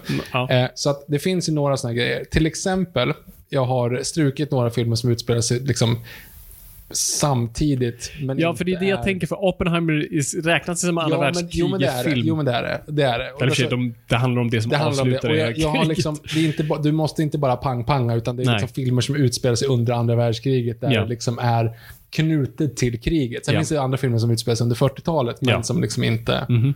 Eh, så ja, jo men Saving Pride Ryan är där. Så var en, du får ha... Du får ha fem fel. Okej. 1941. Det var ett skämt. Ja, det, det, var, en ett flopp. dåligt skämt. Eh, men Schindler's list. Schindler's list är faktiskt eh, nummer sju. Så då har jag Det är två. två rätt. Mm. Nu blankar jag helt på andra världskriget-filmer. Uh, Inglourious Bastards. Inglourious Basterds är med. Inglourious Basterds nummer sju. Eh, åtta med det. Åtta. Eh, Två till. Nu blir det svårt. Nu blir det svårt. Andra världskriget-filmer. Åh. En, eller, nej, förlåt. Det är egentligen två, två till ska du ta. Två till ska Jag kan ha varit generös som har sagt fem. Jag kanske får höja, men två till ska du ta. Om jag, får jag bara kasta in Fury för att bara se vad vi liksom... Fury är nummer 13 på listan, Ah, så okej, den är utanför. Fan. One strike. Och den drog, ut, den drog in typ 200 miljoner, så den drog egentligen inte in så mycket. Nej, det- jag vet, jag vet att det inte var en sån här Nej. monsterhit, men som, jag, var- det är där jag ville veta lite vad vi liksom... Vart rör vi oss någonstans? Och så, på vilken plats låg Saving Private Ryan? Tre. Oppenheimer etta. Mm. Blank 2. Saving Private Ryan 3. Blank 4. Blank Mm. 5. Blank 6. Eh, 7 Schindler's List, 8 Inglourious Bastards, blank 9, blank 10 Vad intressant. Så vilken är två?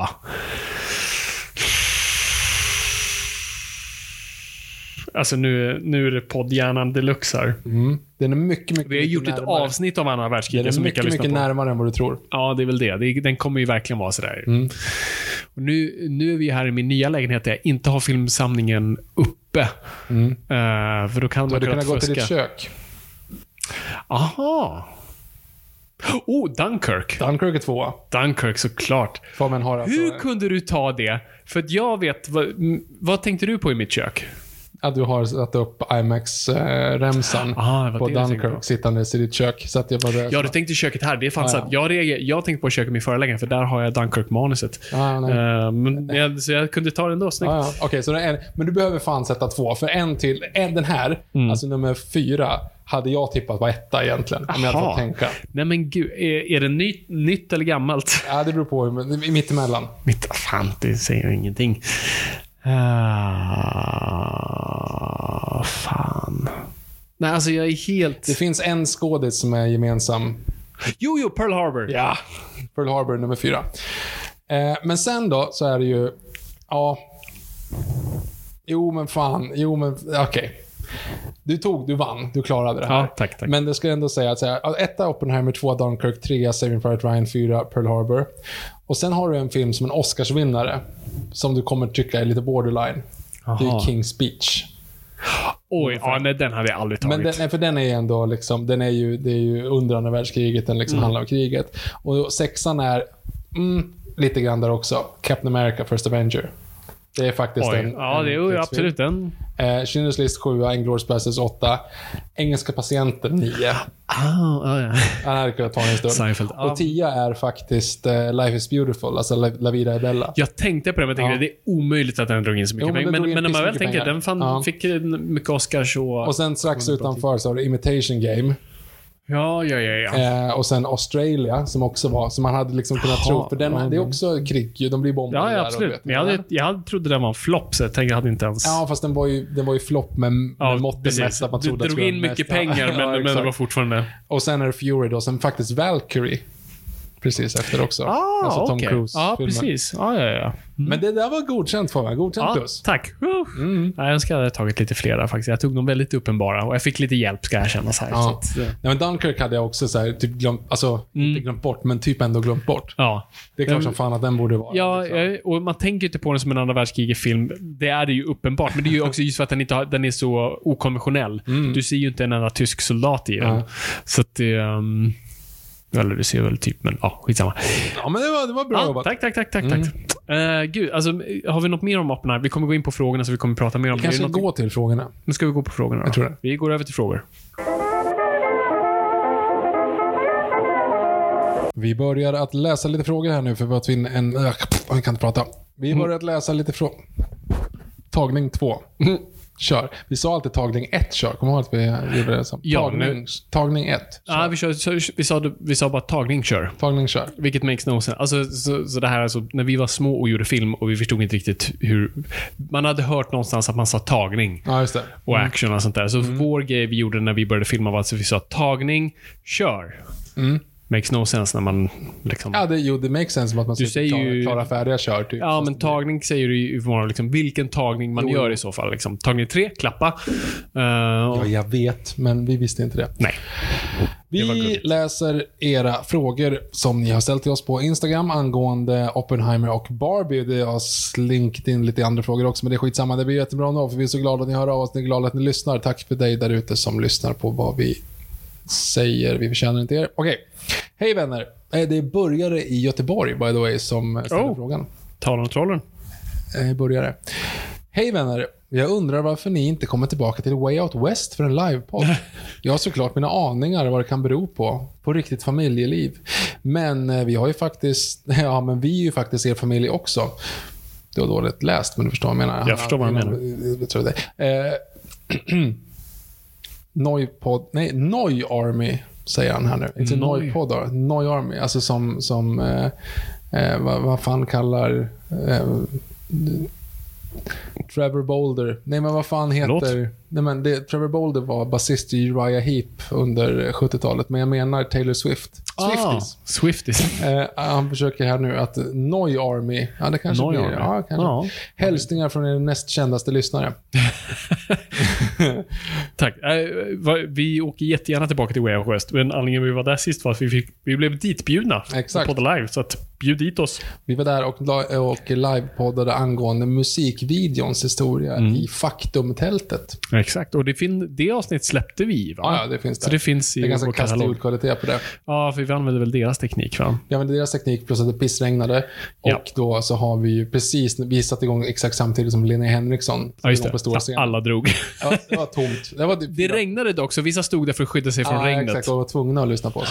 Jag hade någon som stod och vinkade ändå. Men då. Eh, Jonas Paulsson, vad ser ni fram emot i höst? Kan inte komma på någon bra film som ska komma i höst som lockar? Har ni några bra tips? En spontan lista på filmer eller serier man borde se om? PS. Do you renounce him? I do renounce him. Ah, kul. Ehm, vad ska man se fram emot i höst? Det är mycket svenskt i höst ju. Eh, det är det. Um, Dag Hammarskjöld. Ja, ja, just det. Precis. Persbrandt Eh, alltså. Den heter Rall- väl bara Hammarskjöld? Jo, men han hette, han hette Dag Ja, ja, ja, absolut. Eh, rallybrudar eh, två. Mans edition. Ja. David Av, Helenius edition. av grunden. Just det. Nelly Rapp. Nelly Rapp. Eh, en till Bamse-film, tror jag. Är det? Ja, är inte det? Jag tyckte jag såg någon trailer. Det kanske kommer en annan film. Ja, mm, vi får se. Okej. Eh, nej, men vi har... Nu kommer jag inte ihåg, för de släppte trailern nu till David Finchers The Killer här. Men jag vet inte om när den har premiär, men jag har för mig att den har premiär nu i höst. Så påverkas inte den av månadsstrejken också? Skådespelare? alltså, jag tror inte de hade skulle ha släppt trailern om, om det inte hade varit Ja. så. det är Men en bra Aquaman fråga. kommer väl? Vad sa du? Aquaman kommer väl? Aquaman är fortfarande slätad att komma i december, så de hoppas väl att strejken. Alltså, som sagt, filmer får släppas. Det är ju bara att De får inte göra reklam. de kan inte promota. Exakt. Skådespelarna kan inte promota. Så att det, det är ju ett problem. Men, eh, men de hoppas väl att strejken fortfarande är löst tills dess, att de kan vara ute på promotion. För Dune kommer inte. Dune är uppskjuten. Mm. Eh, men, så jag vet inte om The Killer, men sen har vi, uh, på tal om Killer, Killers of the Flower Moon, Scorsese, som vi såg trailer för nu. Mm. Just det. det ser lovande ut. Just det. Det har vi att se fram emot. Just det.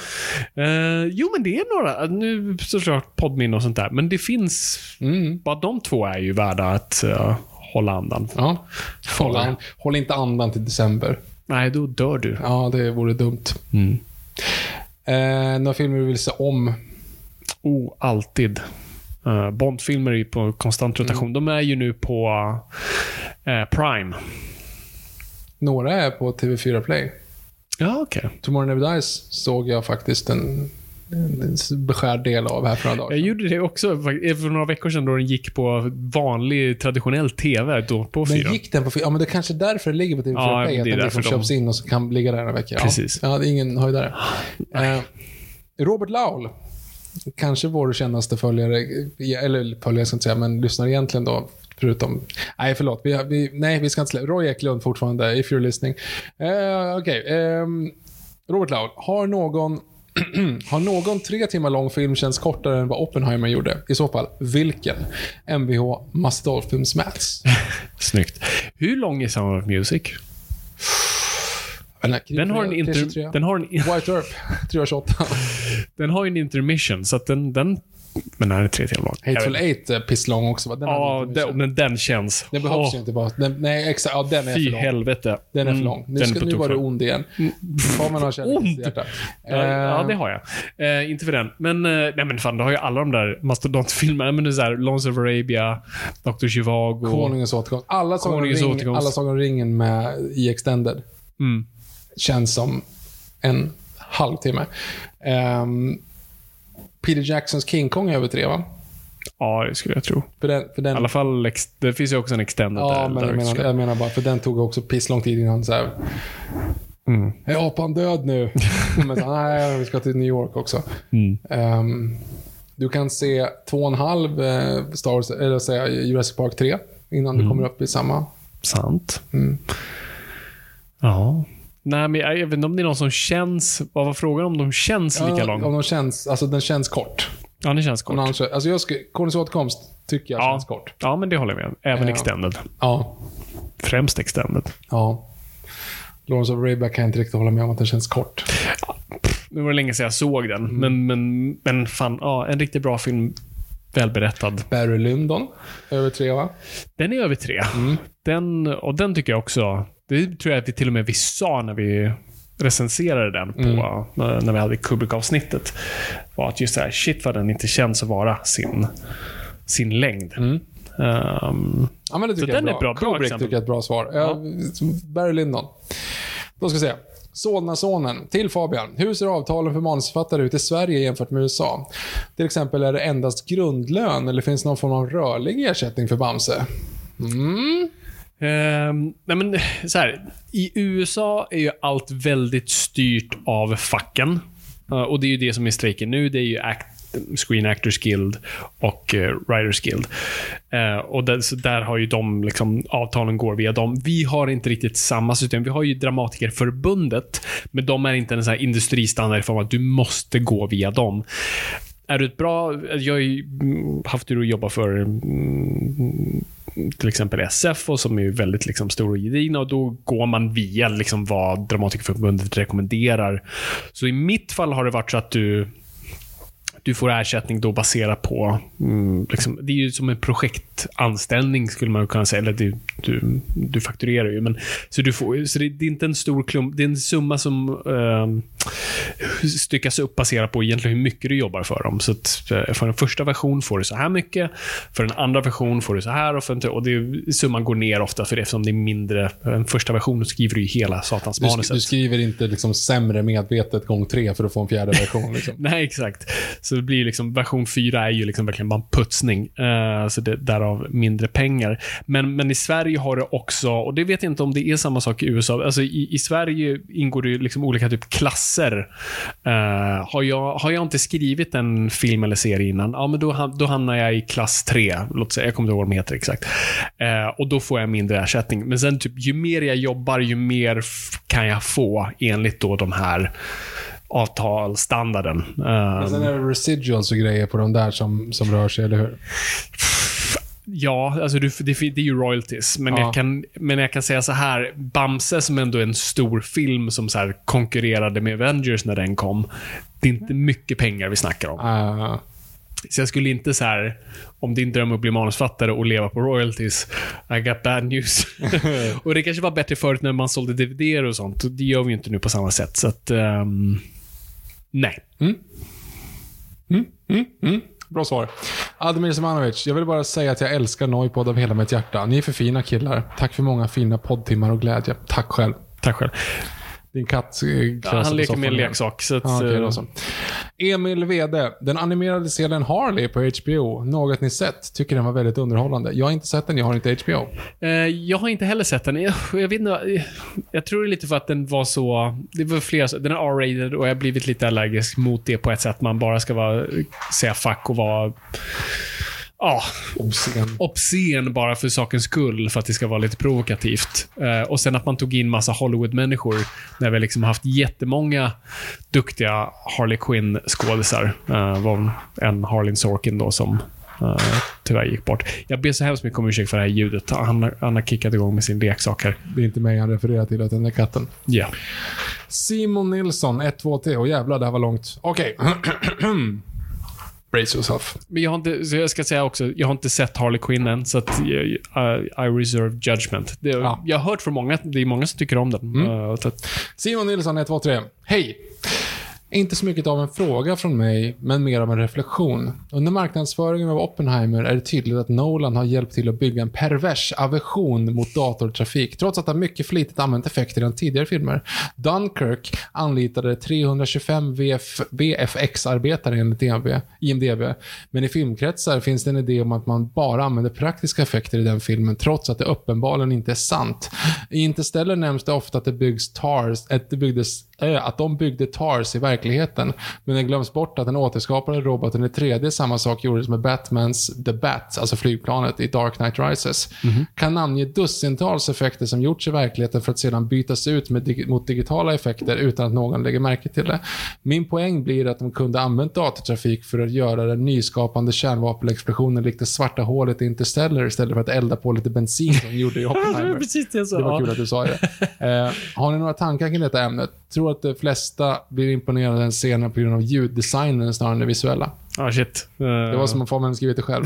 Exakt. det är mitt alt, alter ego, Ja. mitt, mitt internettroll som skriver. Nej, men det är vä- väldigt bra poänger. Och, och, och, och Nolan har varit, väldigt tydlig själv. Inte så mycket i den här filmen, men jag tror han har varit väldigt mycket att han inte vill visa korten. Eh, men han har sagt förut att nej, jag använder det, alltså var sak har sin plats och jag tycker man ska använda datoreffekter som ett verktyg, inte som ett all, be all, end all. Um, Dark Knight-filmen har också jättemycket uh, dataanimeringar och sånt där. Så, att, eh, och, och, så absolut, nej. Eh, jag, jag tror ibland vi cineaster kan bli lite väl exalterade när man säger praktiska effekter och därav säga att liksom allt. Nu hade tydligen någon sagt att Oppenheimer inte hade en enda dataanimering alls, men sen så gick någon VFX-människa ut och sa "Ö, jo, det finns det visst men det är som Nolan alltid gör, det är, det är för att putsa till saker. Nolan använder ju för att så här, men, ta bort vajrar, liksom att så här, photoshoppa bort saker. Eller kanske förstärka, eller som Interstellar har ju ganska mycket. Så att, nej, man ska inte skuffa undan att, att det faktiskt förekommer. Men jag tycker Nolan är väldigt hälsosam i hur man använder det. Jag tycker också man ska se det på det viset att dataeffekter är ett verktyg, precis som allt annat. Och jag tycker man ska använda Jersey Park-principen. Liksom, du, Varannan. varannan. Det är liksom tills ögat vänjer sig, när ögat vänjer sig för en grej, då byter du grej för att konstant hålla effekten levande. Juanito 1. Hej ni glada.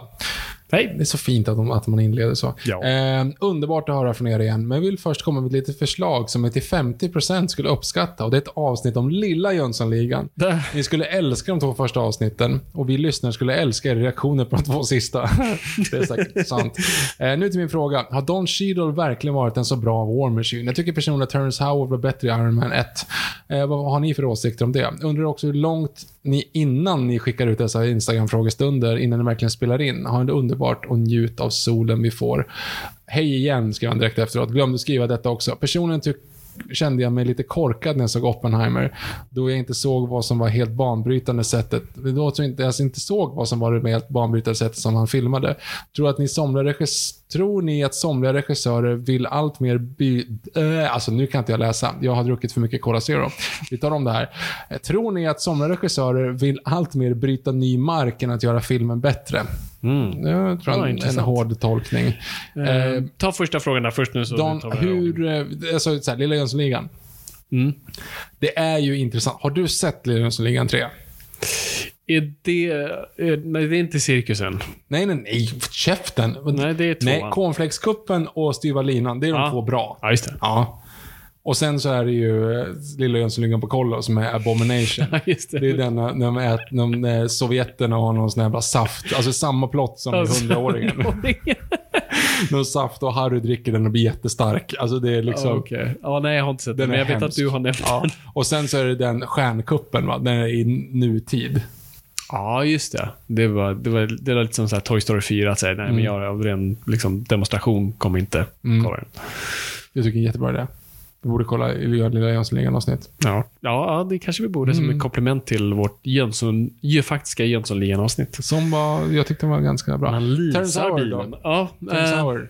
Ja, ja, jo, det var, alltså jag har aldrig riktigt tänkt på det, men jag förstår vad du menar. Terrence Howard var lite mer, alltså nästan lite mer åt Iron Man. Han var väl lite mer liksom loosey-goosey och lite, ja men hade lite, lite charmig. Eh, Don Cheadle är lite mer straight man. Mm. Lite stelare och lite så. Så att, ja, jag, jag kan köpa den. Ehm, Ja, vi, vi skickar ut frågorna ungefär ett dygn innan. nu, nu är det för sent ändå Ja. när vi lyssnar på det här. Ehm, känner mig korkad med Oppenheimer för jag tyckte inte att såg att det banbrytande. Ja, det beror på vad man menar med vad som skulle ha varit banbrytande. Jag vet inte vad, vad som refereras till exakt. Men um, alltså, är med hur den var filmad. Mm, alltså, det som var banbrytande här var att de utvecklade svartvit IMAX-film. Eh, det var väl det nya. Och att de gjorde så pass mycket i IMAX. Och det, det var någonting som slog mig nu. Eh, bara poletten trillade ner. En sak som Nolan blivit väldigt beskylld för sen typ Dark Knight Rises är att vi hör inte vad de säger. Um, Dark Knight Rises, de, gjorde den här, de visade ju första i prologen in, innan någon annan film. Eh, och det alla klagade var såhär, vi hör inte vad Bane säger. Det var För IMAX-kamerorna för högljudda. Korrekt. Och, det, och vad, den andra grejen som slog mig nu var att vad Nolan ehm, sa att han gör aldrig ADR. Vilket jag inte visste om. ADR är alltså när du går in i efterhand och eh, alltså dubbar filmen. Dubbar om den, ja, Ja, alltså när du antingen säger att du vill lägga till ett ord eller du vill säga du har ryggen på någon så du kan kasta dit någon replik för det syns inte på munnen. Eller någonting var otydligt eller eh, det blåste den dagen så att man liksom, ja. Jag vet när Daniel Craig säger Bond James Bond i Super Casino Royale, den är ADR för det blåste så jävla mycket så de kunde knappt liksom få in det ljudet. Part-time. Ja, exakt. När du har den bättre. Part-time. Uh, part-time. Referens till King of Cruises Skull. Yes. Um, säger en bra version i trailern, Ja. men inte tar det i filmen. Jättekonstigt. Um, nej men så, så, så allting bara föll på plats. Okej, så Nolan ADRar inte. Eh, vilket betyder att han har då, han använder ljudet i filmen, vilket jag på ett sätt beundrar. Så han vill behålla det rena i prestationen i stunden. Han vill liksom fånga det. Och att, att de ska slippa härma sin egen prestation, det är något oäkta i det. Men då makes sense att du har en iMac-kamera som i bakgrunden så du inte kan få tyst på. Eh, så hur gör du för att rädda det? Bygg in kameran. Nej, de hade gjort tester på det, men det funkar inte. Ehm, du, du kastar in jävligt hög musik. Nolans filmer har ju Jaha, jättehög musik ofta som liksom- ibland gör saker väldigt svårt att höra för det är liksom bara Mhm. Ludvig Göransson bara blästar i högtalarna. Jättebra soundtrack. Jättebra soundtrack, det glömde vi säga, men det är satan vad bra. Den har, jag har, du kommer lyssna på det här soundtracket sen Victor, men det, den, den har gått på hög rotation i mina hörlurar. Eh, American Prometheus-tracket särskilt. Är, Jag har kommit in i en väldigt, väldigt, väldigt svag period. Jaha, Jag, jag, jag skäms för mig själv lite grann. okej. Jag har börjat göra Lyssna music på- quiz med mig själv. Åh gud. Eh, Förklara. Jag, om det är så här, ja, men så här svenska 80-talsklassiker. Jag hittade en sån spellista på Spotify. Och så sitter du och gissar. Då så, när jag är på väg till jobbet i bilen så slår jag på den på shuffle. Så jag ser inte på vad det är för låt. Mm. Typ bara nästa. Och så är det liksom introt. Och där är det liksom, ja, ah, Kim Wilde, Kambodja. Liksom, Skriker du högt till Ja, ja jag, säger högt, jag säger högt. Och sen så nästa, så här, ja. Stayin' Alive, Bee Gees. Och så är det, det är tragiskt, men det är sant. Mm. Så om ni, om ni ser någon längs en, en eh, kort varv här längs E4 så är det Och jag. skriker så är det inte dig någon han skriker Nej, förlåt. på, Det, men spärra inte in den karln för det kan vara jaget i nörden jag. Eh, P4085. Besvarade vi alla frågor där? Nej, jo. Det banbrytande. Banbrytande Han hade ju en till grejer. liten grej. Var det, men var det den så här, Ja, men jag tror det är att det som regissörer vill bara bryta ny mark mer än Jo, men vi, vissa är så absolut och ibland så tycker jag man kastar in liksom bara för att sälja filmen. Ja, vi gjorde det här i den här filmen. Har jag inget bra exempel på. Suspense. Ja, jag förstår. P4085. Vad tror ni om en remake på Flash Gordon, som är ju Marvel nu? Guardians-filmerna har ju gått bra och det känns lite som tramsig rymdopera-humor är någonting negativt vad det gäller intäkter. Vänta. Känns, ja, förlåt, känns inte som om tramsig rymdopera-humor är dåligt för eh, intäkter. Såg om originalet på bio förra året och kan nog inte komma på så många filmer som är så kul utan att vara en uttalad komedi. Plus, är inte filmvärlden lite skev när en film som drar in 4 miljoner dollar räknas som en flopp? Är det inte snarare tal om att man övervärderat varumärket då? Tänker på Indiana Jones. Hmm. Jo, Jo. 400 miljoner dollar, det är liksom det är San Marinos BNP. Ja, men alltså det är helt absurt att det skulle kosta sådär mycket. Alltså, och, och jag förstår inte riktigt hur de kunde argumenterat för det. Det är, alltså, hmm. Visst, Crystal Skull drog in mycket pengar, men det var 15 år. Ah, jag, jag fattar inte. Det måste ha bara ballongat upp. Ehm, vad var första frågan?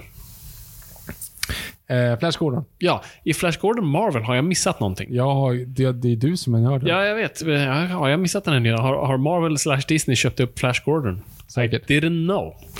Men absolut, Flash Gordon skulle ju vara någonting, en IP som... Alltså det är väl bara en tidsfråga innan någon plockar upp den. Det måste ju vara slut på hjältar snart. Ja, och slut på IPs. Alltså jag tror, i och för sig, bar, efter Barbie nu så kommer bara studierna igen bara. Så, nu, och det har de ju Fast redan lagt upp alla säga- Mattel Ja, men eh, här IPs. Battleship har vi fan gjort den. Monopolfilmen. Ja, jag vet. Alltså det är ju... Nej, men man drar alltid fel läxa av de här grejerna. Så att, ja. eh, Wonder Woman lärde oss att film ska vara två timmar. Ja, Det är bra. den kan vara det. Ja. Och det, det går jättebra. Men det funkar inte för Justice League. Nej, nej, nej. som sagt. Oh, där var också, alltså, på tal om långa filmer.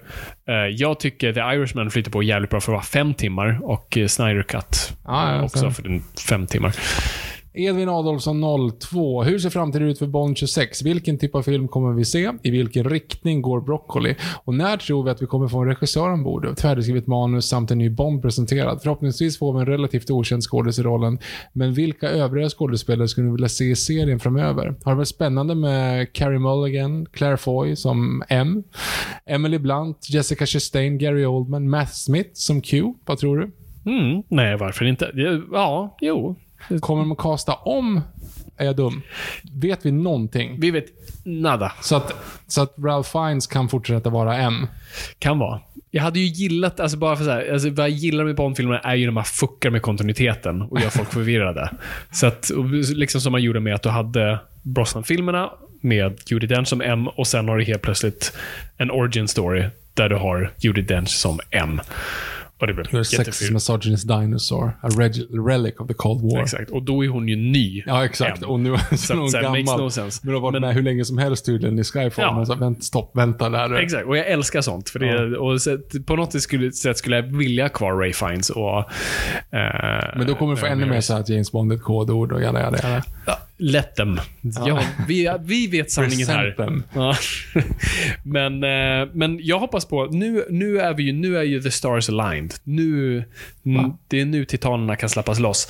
För att nu har vi ju, nu Om 17 år. Vad fan är det? Här. är Ja, han bara 17 bast i... Ja. Eh, nej men för nu har vi ju en Bondfilm vakuum. Eh, De funderar på vad de ska göra härnäst. Du har Nolan som precis avslutat ett projekt och inte har något nytt på horisonten. Och, som och det har varit väldigt mycket snack den här intervjusvängen med Nolan. Jag har sett flera där de sagt så här, är du den nya och sånt där. Och det är risken att han kanske blir lite avtänd av det. Så sluta ställa en fråga till honom. Han vet vad han gör. Så att i den, i, den bästa av världar, jag vill ju se en Nolan Bond-film. Jag, jag vill det. det. Det kommer säkert inte alls bli bra, men jag vill se det. Ehm, så det är det jag hoppas på och då kommer det bli han som castar honom. Jag tror han ändå är smart nog att ta en unknown. Uh, så det är det jag hoppas på. Vilken väg de går, om det blir Nolan så tror jag han kommer gå mer åt alltså Roger Moore-hållet. Trots att vi inte, trots att liksom, han är dark and gritty. Men jag tror även Nolan fattar att liksom, man måste tänka lite annorlunda från Craig-filmerna. Det jag hoppas är att Broccoli inte fastnar i det de gjorde med Craig. Det funkade för Craig, men just det här att det ska vara väldigt prestigigt, det ska vara två timmar och 45 minuter långa filmer som där allt är ihopkopplat. Kan vi bara gå lite back to basics nu? Vi tar de grejerna som funkade, som i Casino Royale ehm, och delvis Skyfall, men så vi har lite mer fristående, lite lättsammare, lite roligare, mer extremsport. Extremsport. Och eh, leta hotellrum efter mickar.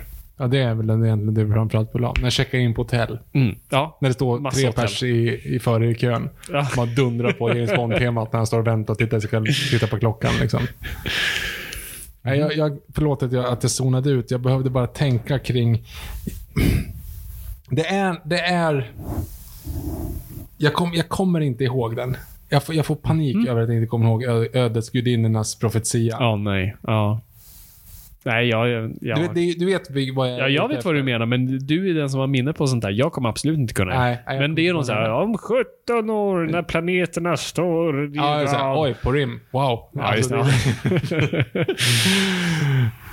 Just det. Mm. Men Zeus... Zeus- Yes! Hades regerar.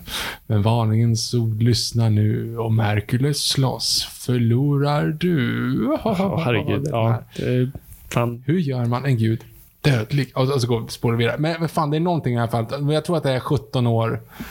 Eh, och då står pla- planeterna i rad. Ja, ah, fuck it. Och när de går förbi står planeterna på rad. Vart var vi? Ja, just det. Men du, du hade bra utläggning där. Mm. Jag tänker på Disney-filmer som vanligt. I vanlig ordning. det är som vanligt. Fuck, det är jätteont i mitt huvud att jag kom på det. Förlåt, jag kommer behöva googla det här sen. Jag, Ja, behöver, jag jag, gör det. behöver hitta... Vi behöver... Fan! Ja, Grym vad bra Dan Kämpa. Ekborg är by the way i den också. Som Hades.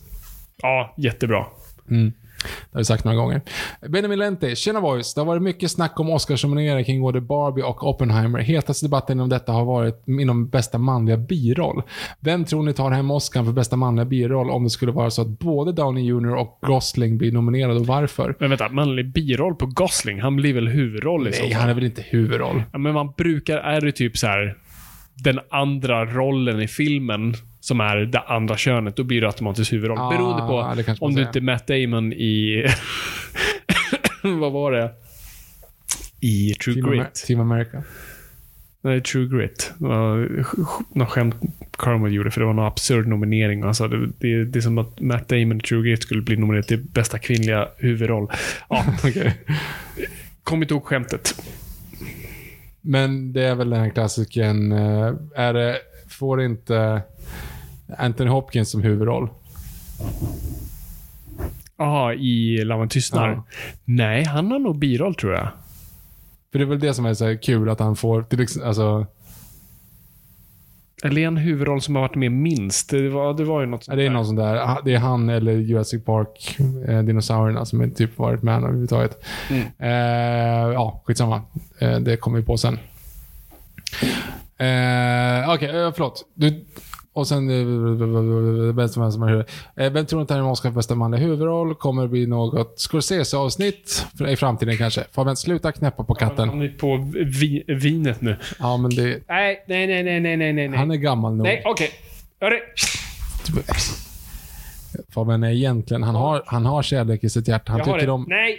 Han jag har om- kärlek för jag vill inte att han ska Han bita på sladden. han tycker Vänta om lite. film och eh, djur. Han brukar inte skälla så här på levande varelser. Men han trodde nu att, att katten skulle ta hans vin, så det är klart att det... Det, nej, jag trodde han skulle välta vin, men främst trodde jag att han skulle bita på en elsladd här, för han älskar sladdar och få en elchock och dö. Så det är det, det, det är kärlek i sitt hjärta. Nej, men ska du tillbaka dit? Vänta lite. Eh, vi fortsätter här. För Oscar för bästa manliga biroll skulle vara nominerade både Downey Jr och Gosling. Yada, yada, yada. Eh, kommer det bli något Scorsese-avsnitt kanske? Har ni, sett, eh, har ni sett Succession? Sen undrar jag vad ni tyckte om senaste Mission Impossible. Tack för världens bästa podd. Ja, men det var snällt sagt. det har jag svar på. Vänta. Nu säger Fabian någonting här mitt, samtidigt som jag på att spöa katten här. Nej, jag kan inte kasta ut sånt där. Då kommer jag anmäla mig för... För dålig filmsmak. Nej, Alltså. Inte på sladdarna. Chilla. Uppmärksamma nu att Fabian har glömt bort att han måste prata i micken. Han sitter här nu och... och Jag pratar med katten, inte med dig. ja. Nej, nej, nej, nej! Så nu pratar du i micken med katten. Det är också en så här... Åh, ja, men han ger mig magsår den här. Alltså jag älskar honom, men han är... Han, som alla katter, på allt man inte vill att man ska vara på. Gå, du har tusen leksaker. Så, bort, bort. Mm. Tack, tack. Så. Jag måste hålla koll på honom här lite. Förlåt. Ryan Gosling, Robert Downey Jr. Ja, biroll. Robert Downey Jr. hoppas jag. Eh, han behöver lite Oscar-glam. Mm. Eh, Gosling, pff, nej. Alltså visst, han var rolig, men herregud. Han var jättekul. Ja, men det är inte en Oscar-performance. Han kan få en Golden Globe i komedisektionen. Och sen var det något Golden om... Globe, det är fan taskigt att säga. Men sen pratar de om Mission Impossible. Mission Impossible. Den har jag sett. Ja. Fantastisk. Ja, kul. Eh, det är... Jag måste se den igen, men jag tror det är min favorit i mängden. Mm. Alltså... det- Och, och den är verkligen på något sätt motsatsen till både Oppenheimer och Barbie. Liksom på... Nu var Oppenheimer jättebra. Men, men just den här aspekten av att en film som vet exakt vad den är, gör det jätteeffektivt, springer bara rakt fram, bara så här. Ingen jävla fluff, ingen jävla krimskrams på sidorna. Bara, pju, vi vet exakt vad den här franchisen är och vi kör 100% in med det. Och plus poäng i kanten för Hailey Atwell. Eh, Det enda jag saknar i den filmen dock är mer Hailey Atwell. Nej, men eh, det är mer en rak actionrulle och inte så mycket det här, vi ska ta oss in hit och jag tror part två kommer vara mycket mer av det. Här är mer actionscener. trillade mitt en polett ner by the way. Visst är det Judi Dench i Shakespeare in Love som är den här som typ inte är med. Hon är med i åtta minuter, eller nio minuter. Ja, det kanske det var. Och hon fick, är med ännu mindre än Anthony Hopkins. och fick hon en Oscar eller? Ja, för bästa kvinn supporting. Ja, det kan nog stämma. Jag tror att det är den. Just Shakespeare in Love som alla i efterhand bara hatade. Ja, precis. Det är lite som eh, Driving Miss Daisy. Och Ja, många sådana där filmer på 90-talet som kom. Ja, det var Crash också som alla hatade efteråt. ja men även, 2004. ny, alltså Green Book heter den väl inte? Jo, det gör den väl? Alltså, Just det, men den hatade alla redan även när då. den fick den. Ja, ja precis. Ja. Det är liksom det som flest, minst personer blev upprörda eller jätteglada över. Ja. Det var den som vann liksom. Ja, exakt. Spike Lee var liksom typ som var i det Oscar-racet i året. Var liksom öppet hatisk mot Ja. den filmen. Eh, Scorsese-avsnitt kommer säkert. Okej. Pontus Eriksson Hultén. Eh, Det har ju onekligen gått bra för bägge filmerna i Box Office. Tror ni att det sett lika bra ut om dessa två filmer utan Barbenheimer? Om nej, vilken av filmerna hade klarat sig bäst utan fenomenet? Tack för fortsatt grymt jobb med podden. Tack själv. Oh, det är en jättebra fråga. Eh, tack. Ehm, det är en jättebra fråga. Jag det är tror- svårt jag- att säga, men... Jag tror, inte att, att, jag tror inte att Barbie behövde Oppenheimer. Nej, nej absolut. Eh, Jag tror men, inte att Oppenheimer egentligen behövde Barbie heller. Det var bara att det blev men det en var verkligen grej. som ett så här, tidvatten som höjde alla båtar. Mm. Eh, den, alltså det blev ju liksom en... Alla, båda fick glänste av varandra och det blev liksom en grej. Eh, men som du säger, liksom hade, om det inte hade varit det, hade det gått sämre för Barbie? Nej, jag tror inte det. Ehm, Ja, det är intressant. Ja, Mm. nej, det är intressant. Det, det, vi kan ju gå ren, på ren hypotes här, men för samtidigt tycker jag att det har gynnat filmerna, men samtidigt skulle de gå separat resor. Nej, men det kan Kanske bara Oppenheimer helt enkelt som- säga att fler personer Fler, fler icke-filmintresserade personer, missförstå mig rätt, vet om att Oppenheimer går på bio nu. Mm. Även om de hade gjort det om inte Barbie hade gått. Ja. Alltså om man säger så då. Tänk om det var så att Barbie var så fylld i biograferna, och så folk gick och såg Oppenheimer när man inte kunde få en Barbie. Ja, typ. Jag tror inte att det var riktigt så. Nej, jag tror inte det. Ja, då går vi till den här tre timmar långa... Courtroom-dramat om Nu, han, nu, är, nu är katten på din... Så. Tack, tack. katten är på min vadå? Din, din teknikbox här med alla poddgrejer. Tack. Ja. Eh, Älskar dig. Jag kom på att jag hade en fråga till. Mission Impossible, Dead Reckoning Part 1, har visserligen inte någon, var ingen, visserligen ingen katastrof intäktsmässigt. Men nej, någon Maverick är det ju inte. Vad tror ni är orsaken till att Tompa inte kunde följa upp monstersuccén från senast? Var rullen för dålig? Var konkurrensen för hård och nya skriverin hos scientologerna för jobbigt? Eller var det otroligt själadödande att slänga på en Part 1 efter titeln, äh, jag kan inte prata. Eller var det otroligt själadödande att slänga på en Part 1 efter titeln avgörande? Vad tror ni? Eh, jag tror timing. Jag tror helt fel. För den här, liksom, den var väldigt efterlängtad, hypad. Det var ju väldigt mycket kring det här hoppet han gör. Mm. Ehm, och så.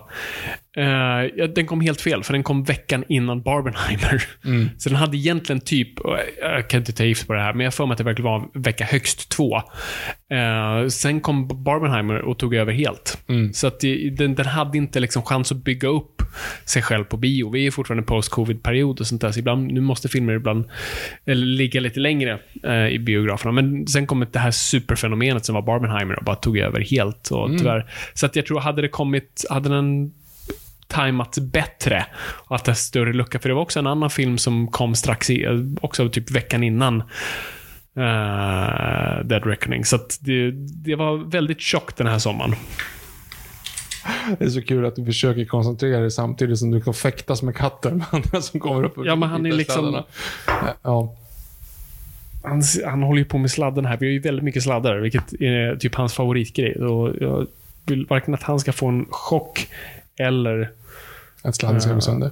Ja. Eh, Lukas Haf. Eftersom vi tyvärr förlorade Arlene Sorkin, och som var inspirationen och originalrösten till Harley Quinn, så tycker jag att ni till hennes ära gör ett avsnitt om Harley Quinn, där ni även rankar dem som spelat Harley Quinn och vilken riktning James Gunn tar henne i DCEU. Eh, själv hoppas jag på att hon tar en mer skurkroll i det nya DC-universumet. Tycker Margot Robbie gjorde ett bra jobb som mer New 52-inspirerad Harley, men jag hoppas på att... Men jag hoppas på, jag hoppas på att eh, den som kommer spela Harley nya är mer åt Arlin Sorkin-hållet. RIP en legend. Verkligen. Eh, vi har förlorat många animated series-människor den senaste eh, Inte minst då eh, Kevin Conroy. Eh, sen har det varit massa mindre roller och nu då Arlene Sorkin. Um, förlåt, vad var frågan? Eh, han får man slåss med katt samtidigt. Ja, det är det. Jag Eh, skyddar frågar- podden. Ja, men bara om man ska skydda podden. Eh, nej, men om, om vi ska ha det skilda avsnitt, om man kan ranka liksom, performance och lite sådana saker. Ja, alltså, det, man skulle i princip kunna göra det. Nu det inte på agendan så, men, men det är ju inte o- För det har ju varit väldigt många olika tolkningar av henne, vilket är ironiskt med tanke på att Arlene Sorkin verkligen så här, satte Alltså den karaktären är så mycket i rösten. Eh, och det är många som har gjort äd, ädla försök. Och jag tycker, alltså jag tycker ändå Margot Robbie har en, liksom, hon har ju tar, dragit inspiration Gud, ja. från det. Så jag tycker hon gör en väldigt bra rendering av, av vad Arlene Sorkin etablerade. Så jag tycker det är väldigt Trots att respektfullt. Birds of Prey inte gick svinbra. Eh, nej. Men hennes prestation är bra. Ja, ja, I ja, den. gud ja. Ehm, Stefan Andersson. ja, okej. Tjena grabbar. En fundering som jag haft sedan jag såg Oppenheimer. Fabian, kan du förklara vad betyder sexscenen när Oppenheimer säger citatet I am death, destroyer of worlds? Ja, det kändes det. konstigt placerad, men jag kanske bara är outbildad till skillnad från en viss nörd i podden. Eh, ändå inne på ämnet. Efter att ha lyssnat så mycket på er så har jag börjat skriva små manus. Men, Ah. un- men undrar, lär man sig skriva, hur lär man sig skriva dialog? Har du några bra tips? Och till dig Viktor, vad tror du om Sverige-matchen mot Spanien? Blir det någon match? Tack till er underbara för ett nytt fräscht avsnitt. Fräscht vet jag fan, men nytt blir det. Yes, okej. Vi, vi börjar, i, börjar i början. Eh, första frågan var om, just det, sexscenen. Mm. Det var, vad, vad var din reflektion? Det här var ju Nolans första sexscen. Ja, jag, Och vi har ju pratat om sexscener, så här, vad tillför det till storyn och allt sånt där. Ingenting är det ju.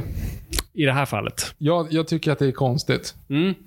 Och placeringen av I've become death, the destroyer of worlds. Ja, jag, jag, det är att han ska komma ihåg det någonstans mo- mot henne sen, för han förstör ju hennes värld. Alltså, du vet såhär, Ja, hon men det, ju. precis, men det minimerar ju den, liksom Ja, nej, det citatet, nej, om det är det han tänkte på när han låg med Ja, henne. En explosion. Ja, det är konstigt. Ja, nej, jag, jag, jag tycker inte att det där funkade. nej, jag, ty, jag tyckte hela, liksom, hela relationen med henne eh, hade kunnat hugga ur filmen egentligen. Alltså absolut, den- det, det, det, det, det fyller en funktion, absolut, den relationen, men inte så pass mycket att du hade faktiskt kunnat skippa det. Men, och sexscenerna också. Jag, jag var faktiskt lite så här konfunderad över, så här, mm, alltså Nolan som ändå är, alltså han är ju kungen av att så här, du, du har ingenting med som liksom, fyller inte en funktion som tar bort det. När han, han använder aldrig slow motion för det fyller aldrig en funktion. När han har, har han inception för att förklara hur tid fungerar i olika... Liksom, det är så han alltid resonerar. Ehm, så varför är det så här nu? I, så varför har vi en sexscen här? Han har ju uppenbart någon, måste ha någon tanke med det. Är det bara för att förtjäna en R-rating? Jag, eh, vet ej. Jag, jag, jag tyckte den stack ut lite weird och för mig Jag fick inte ihop sa inte så mycket. jag Och särskilt inte Om det inte skulle med- vara mot att bygga mot Emily Blunt-relationen sen. Att hon liksom på något sätt står fast Jo, men vid du hade inte behövt ha en sexscen för det.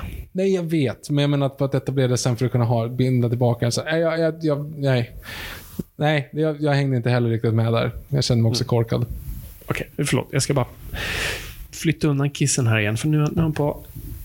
Du får vara här, men nu ska du vara på sladdarna. Då får du, då får du gå. Ni som lyssnar just nu, Mm. gå in på Instagram och så scrollar ni in på eh, Viktor Engberg och så kommer jag nu att lägga upp en passande bild som porträtterar den här relationen. Mellan du det? Vad Fabian. spännande.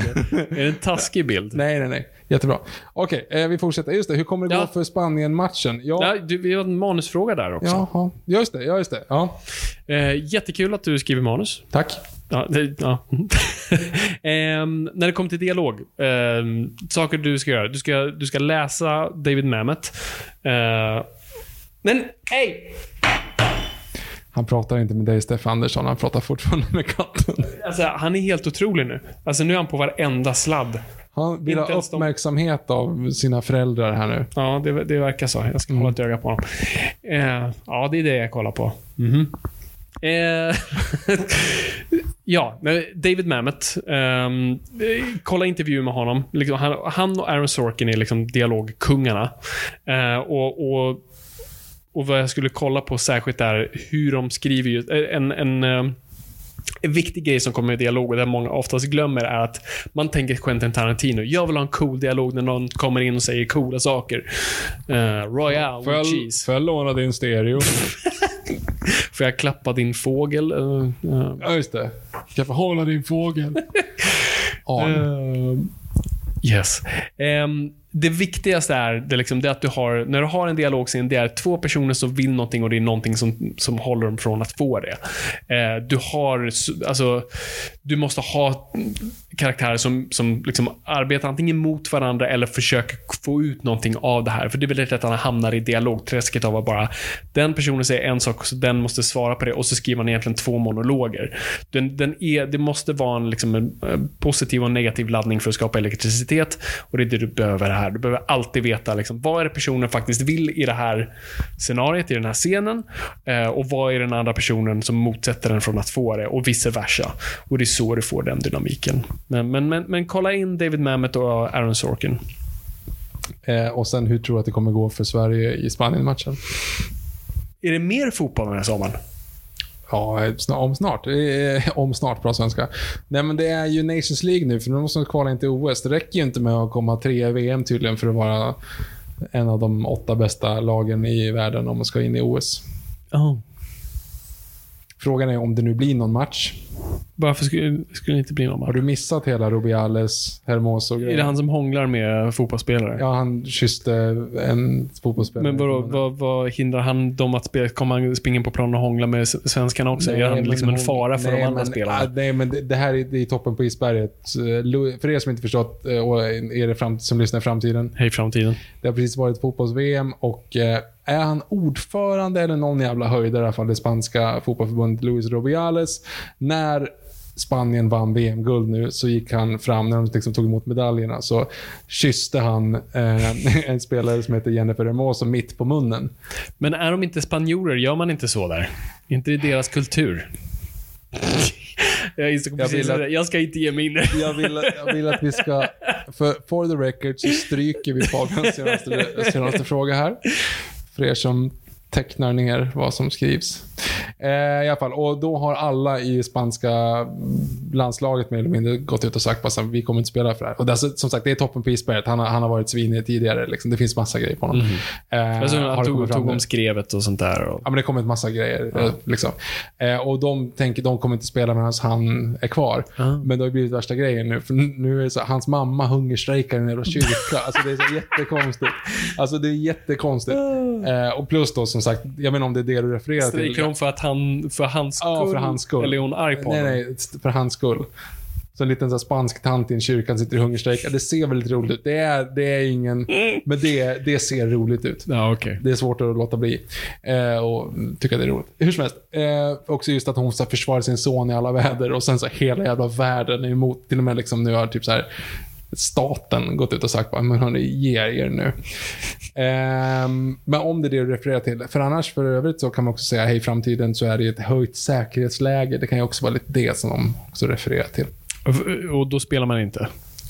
Ja, du har ju, allsvenskan har ju spelat, men du, du, det är ju lite grann så att vi ställer till exempel in bronsfirandet, som skulle vara Ja, Kungsträdgården. just det. Ehm, det, blev, det vart ju inget sånt Nej. på grund av säkerhetsläget. Mhm. Så då kanske inte helt, för det finns ju ändå liksom ett symbolvärde. Landslaget är en symbol. Om man nu vill tvåla dit Sverige så är det ju inte helt otänkbart att man skulle kunna göra någonting sånt. Det var Ja. därför de ställde in den. Just det. Så att, eh, därför kanske de skulle kunna tänka igen. Skitsamma. Det är vi bara framtid. Jag hoppas att vi har fel och att det här var bara någonting man skrattar åt framöver. David Alehed. Eh, Oppi var inte min favorit bland Nolan, men en upplevelse att se på bio. Varför tror ni att i princip varenda scen i filmen hade musik slash ljudspår för att skapa en känsla? Nolan har gjort det förr, men det känns som att varenda scen den här gången, du har redan svarat på det. Det är för att IMAX-kameror är så jävla höga. För de filmar typ till 90% med IMAX på den här. Du behöver överrösta här. Liksom. Eller snarare. Ja, så därav. Exakt. Och sen, ja, jag tror att Nolan är verkligen en sån här, alltså, det ska vara, det ska smaka. Det ska vara en gryta med Mm. mycket krydda, mycket chili, mycket smak på det. Du ska få en, liksom en, boom, en riktig smakexplosion och då bara krämar man på allt. Så jag tror det är bara det. Han vill verkligen, det ska vara så cinematiskt på alla håll och kanter och sånt. Då kan det bli lite för mycket också. Men ja, främst för IMAX-kameran låter för mycket. Ja. Eh, Pompabella 2018. Hej! Jag är en galning som fortfarande väntar på Jönssonligan-podden ni lovade för många vårar sedan i Ja, avsnittet just om serien. Undrar helt enkelt om en spin-offen fortfarande är något ni kan tänka er att göra. Tack för allt, bästa svenska podcasten. Tack själv. Ja, alltså det är ju fortfarande helt, det är ju kul. Det är ju Det är en kul. kul idé. Men vi har ju, vi, så här, vi, vi är redan svårt som det är att släppa avsnitt för den här podden. Jo, jag vet, men fan det vore Ja, roligt. det vore roligt. Alltså jag, det är ingen som har gjort det va? Jag tror inte det. Och så tar Men det också in, finns det inte anledning till att ingen har gjort.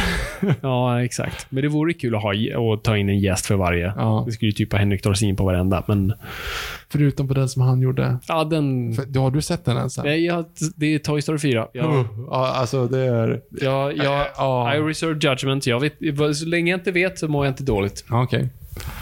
Don't ask, don't tell-grejen. fast det gör inte app. Ja, ja, okej. Ja. Voffer Mankell. Hej pågar. Hade varit kul om ni kunde ge er syn på den pågående strejken i Hollywood. Parterna verkar ju stå milsvid ifrån varann och nu skjuts många projekt framåt. Hur skulle ni vilja att de, att de nya avtalen ser ut? AI är ju onekligen här för att stanna i många branscher. Är det inte bättre att ta tjuren vid hornen och bara acceptera det? Här skulle jag ju vilja dra en parallell till Oppenheimer-grejen. Det här är ju vår tids atombomb någonstans. AI ja. Ja, Förutom att vi alla kan sitta på en atombomb. Jo, men det är det jag menar. Alltså, det är så här, det, it's out of the bag. Det är så här, det är kört nu. Nu kan ingen liksom reglera det här, utan det är, det är godnatt. Du kommer inte kunna se om, om eh, studenter fuskar längre. Du kommer liksom alla, mer eller mindre alla copywriters har liksom väldigt mycket svårare Det är att därför jag motivera att sitt... papper och penna gott folk. Det är en lösning på väldigt många problem. Va? Ha folk en tentasal med penna och papper. Jo, jo. Men det är svårt att göra en inlämningsuppgift med... Nej, vi får Ah. ta bort det då. Okej. ja, ja, Okej, Det löser inte hela AI-problemet. Men den aspekten tycker jag är enkel att fixa. Men jag tycker det är en intressant parallell till Ja, att man ja, men det liksom ger det är det. kärnkraft. Alltså, de har suttit, they were so preoccupied thinking whether they, if they could, they never stopped to think whether If they, they should. should. Mm. Just det. Korrekt. Ja. Ehm, vad var frågan i det? Eh, din syn på strejken i Hollywood. Ja, just det. Ja, just det. Var AI. Ja, det var inte Jag pratade med... um, um, vi har en, en vän, eller min fru har en vän som hon jobbade med när hon var en stund i Los Angeles och jobbade för Jimmy Kimmel. Sådär som man bara slänger ut lite snabbt. Och lite sådär. Och eh, han har en, ja, men en hög post. Alltså, och han var och besökte här i sommar, så vi pratade lite om strejken och sånt där. Och han var väldigt mycket såhär, jo, det är mycket snack om streaming och sånt där, men det kommer de, de kommer lägga sig på det. Men det, det, det är AI-grejen som är Mm. the big bad i det här. Och, och det måste de få pli på, för att det... Och det tror jag de kommer. Alltså det, Men hur? Ja, men, alltså, absolut. Du kommer aldrig kunna ha liksom, en manusförfattare aldrig, kommer aldrig kunna här, bevisa att man inte har använt sig av AI. precis. Visst, de kan säga, här har du en dator som är blockad från AI, men det hindrar hon inte från att gå... Ja, nej, det... det Så, så absolut, så det går. Det, och det är inte det det handlar om. Det handlar om att studiorna inte ska bara blupp, trycka på en knapp jo, men du kan ju bluppa någon genom att ha liksom en bulvan. Eh, en vad? En bul- eh, betala någon en tiondel av vad en manusförfattare skulle göra. Och låt den personen använda AI. Alltså, eller ta någon, ta ja, Hollywood Execens Mm arbetslösa brorson. Och låt den personen trycka på AI-knappen. Alltså, det är det. Det finns ju ingen Mm. Ja. Ingen kan bevisa att man inte använt AI, vilket gör att och det, funkar ju det, inte. är ju det, det är ju där då facken kommer in och säger, och det är ju det här liksom, eh, facken har en helt annan roll. Som sagt, du kan inte skriva en studiofilm utan att vara med i facket. Alltså, alltså i USA, du kan inte lyfta en sladd på en inspelning utan att vara med i facket. I din respektive fack. Jo, jo, men då kan Ehm, väl... Men Så, det, så det är ju det. Man vill, höj, man vill ha liksom de här höga murarna. Så att det ska inte vara att någon exekutiv eh, ska kunna liksom ta in sin brorson och bara, nu skriver han manus Men kan inte den här filmen." brorsonen vara med i facket då? Jo, men då kommer facket... Ja, just det. Men, Och hur fan ska de veta det? Det är det jag menar. Du kommer aldrig kunna komma ifrån det här. Nej, absolut. Det, det, så är det ju. Det kommer ju alltid... Det, absolut, the cat is out of the bag. Mm. Svar ja. Men man vill väl inte... Alla länder har kärnvapen. Yes. Jag, jag vet inte. Och, ja.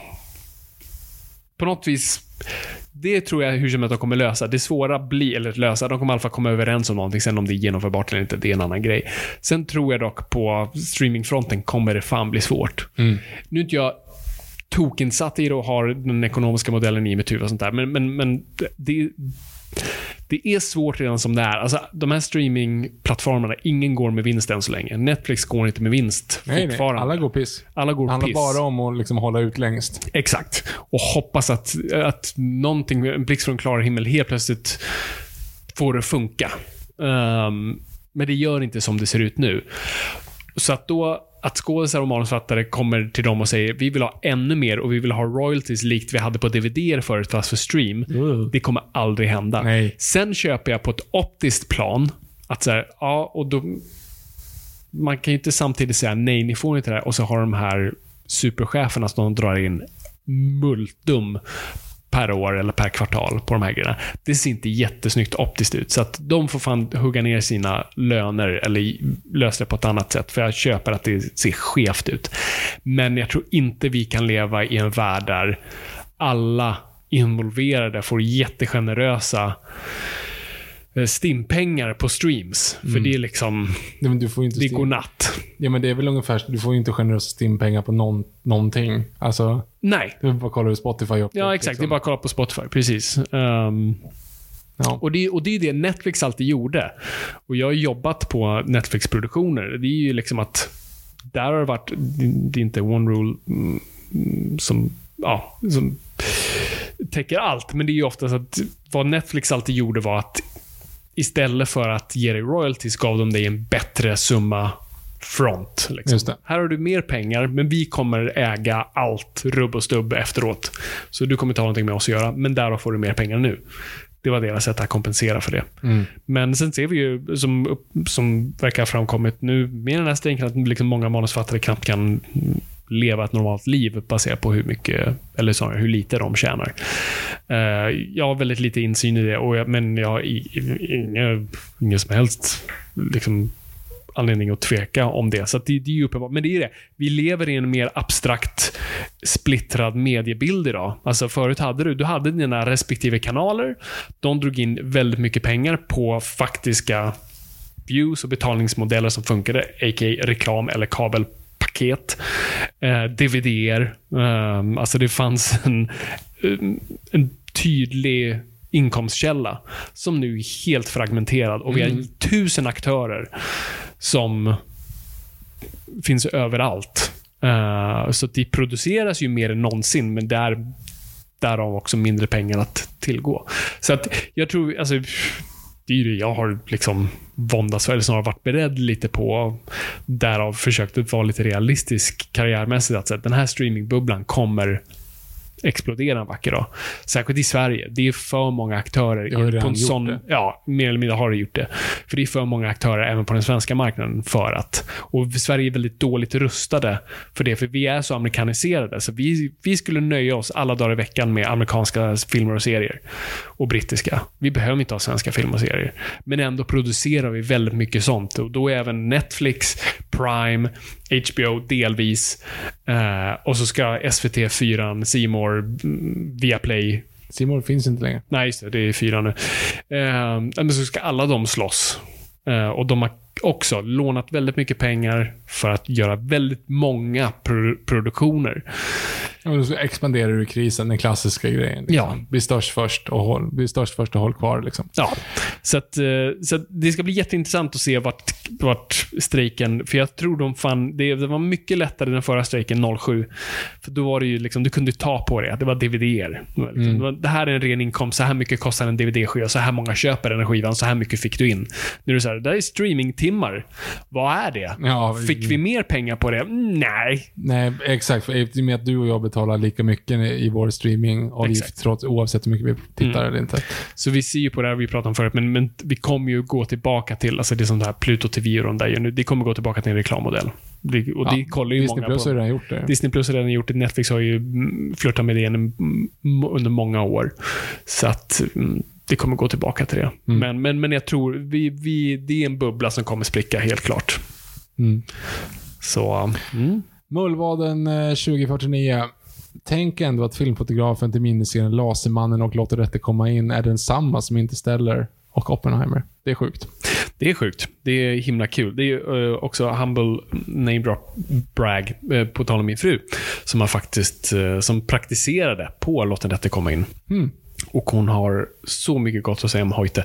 Hon var alltid, var alltid liksom varit väldigt glad för hans skull. Han var väldigt liksom, snäll mot allt och alla. Och även Ja. praktikanterna. Roligt. Och de pratade väldigt mycket. Ah. Don't blaming to be Scandinavian. Eller vad han säger. Ja, Nolan. Ja, don't Ja. accuse him of being Scandinavian. Ja, precis. You can't have him. He's Dutch. Eh, kort och gott, ja, Lenny84. Kort och gott, vilka är era tre sämsta filmer ni sett? Troll 2 och The Room räknas inte. Oj. Eh, Svårt. jag har inte sett Troll 2. House of the Dead var otroligt dålig. Ja, alla UV-boll kan ju bara täcka den där Ja, listan. Name of the King är också en sån, det är också UV-boll. boll. Mm. Det, alltså, det var ju provocerande dåligt på en Ja. sån här nivå som jag inte har varit med om. Typ. Schwarzeneggers Hercules. Ja, ja Fast den, den är var väldigt- för jävlig. Alltså, Fast den är ju rolig. Ja, fast knappt. Mm. Alltså det är ju säkert någon, nu sitter alla uppe och skriker på en film som vi har säkert pratat jättemycket om, och säkert gjort en DVD-kommentar på, Ja. som nu jag eh, blankar på. Eh, Supergirl. Ja, fuck, den är värdelös. Det är, och det är, alltså visst, vi, vi skämtar mycket om den och det finns många roliga moments, men det, det är tortyr att ta sig Ja, igenom. den är hemsk. Och återigen, vi kan inte sluta prata om det. Hur gör man? Det ska vara ett stort monster. Super ska slåss mot ett stort monster. Okej, vi har inte råd att animera ett monster. Nej, men vi gör monstret osynligt. Va? Ah, Okej, men hon får slåss mot ett osynligt monster. Så hon, hon står och slåss mot luften och ett jättestort monster som är osynligt. Perfekt. Eh, alla epic movie, superhero movie, Ja. de är onda i sin kärna liksom. Ja. Eh, ja, det är väl där någonstans. Sen har du så här, men Birdemic, också piss, Ja. men det gills inte riktigt. Nej. Captain America från 90-talet, Ja, den är också... värdelös. Värdelös. Ehm, sen så kan du ju säga, ja, men du, du, du kan liksom prata om, om onda filmer. Ja, men typ Valentine's Day. Ja, Sex and the City 2. Ah, inte så illa. Eller Catwoman? And just like that. Hemsk serie. Jaha, oj då. Vi, vi plågade oss igenom första säsongen och bara, okej, det här var illa, men ja, ja. Det, vi testade att se, och andra säsongen, vi såg bara första avsnittet, bara, nej, nu. Jaha, tråkigt. Det här, det, det, det här bryter mot någon mänsklig rättighet. Så Sex and City är ju fantastisk. Film, alltså, Serien? första, första filmen är okej, men serien är grym. serien är liksom tipptopp. Mm. Jag har åkt um, Sex and City Tour i New York. Jag vet. Jontebro har gjort det två gånger. det var kul. Att han var ända och så här. Second time. Längst bak. Det var kul. Eh, Mullvaden 2049. Eh, det blev surr om Francis Ford Coppola, in, eller förlåt, blir det surr om Francis Ford Coppola inför premiären av Megalop, Megapolis, Megalopolis? Mhm. Avsnitt om Shakespeare? Frågetecken. Oj. Ja, det skulle vara eh, så här Shakespeare-filmatiseringar i så fall. Det är ju intressant. Shakespeare in Love. Shakespeare in Love, precis. Som inte handlar om Shakespeare överhuvudtaget. än så. Ja, Alltså den är det är bara liksom från taget ur luften. Romeo och Julia. Eh, ja, men det finns, ja, det finns många man skulle kunna kräva och säga, ja, den här är... Lejonkungen. Lejonkungen, precis. Hamlet. Ehm, det är en bra idé. Hamlet, det, alla dagar på slutet. skulle vi kunna göra. Ja, precis. Det är, det. Är det den alla dagar på slutet? Ja. Det är väl det den heter på svenska. Ja, vänta, vad var det ifrån? hette, hette inte när du ställde upp Hamlet på någon gång.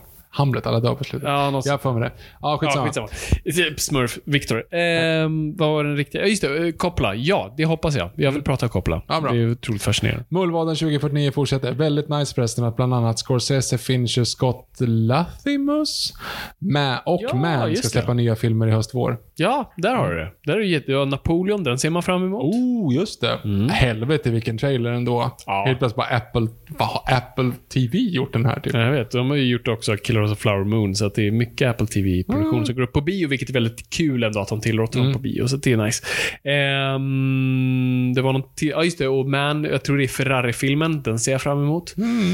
Eh, så att, ja, det, är, så det besvarar den tidigare frågan. Filmen man ser fram emot. Now you're a man, man, man. Har du sett Orgasmo? Eh, ja, back in the day. Det är inte Eh, den man du menar?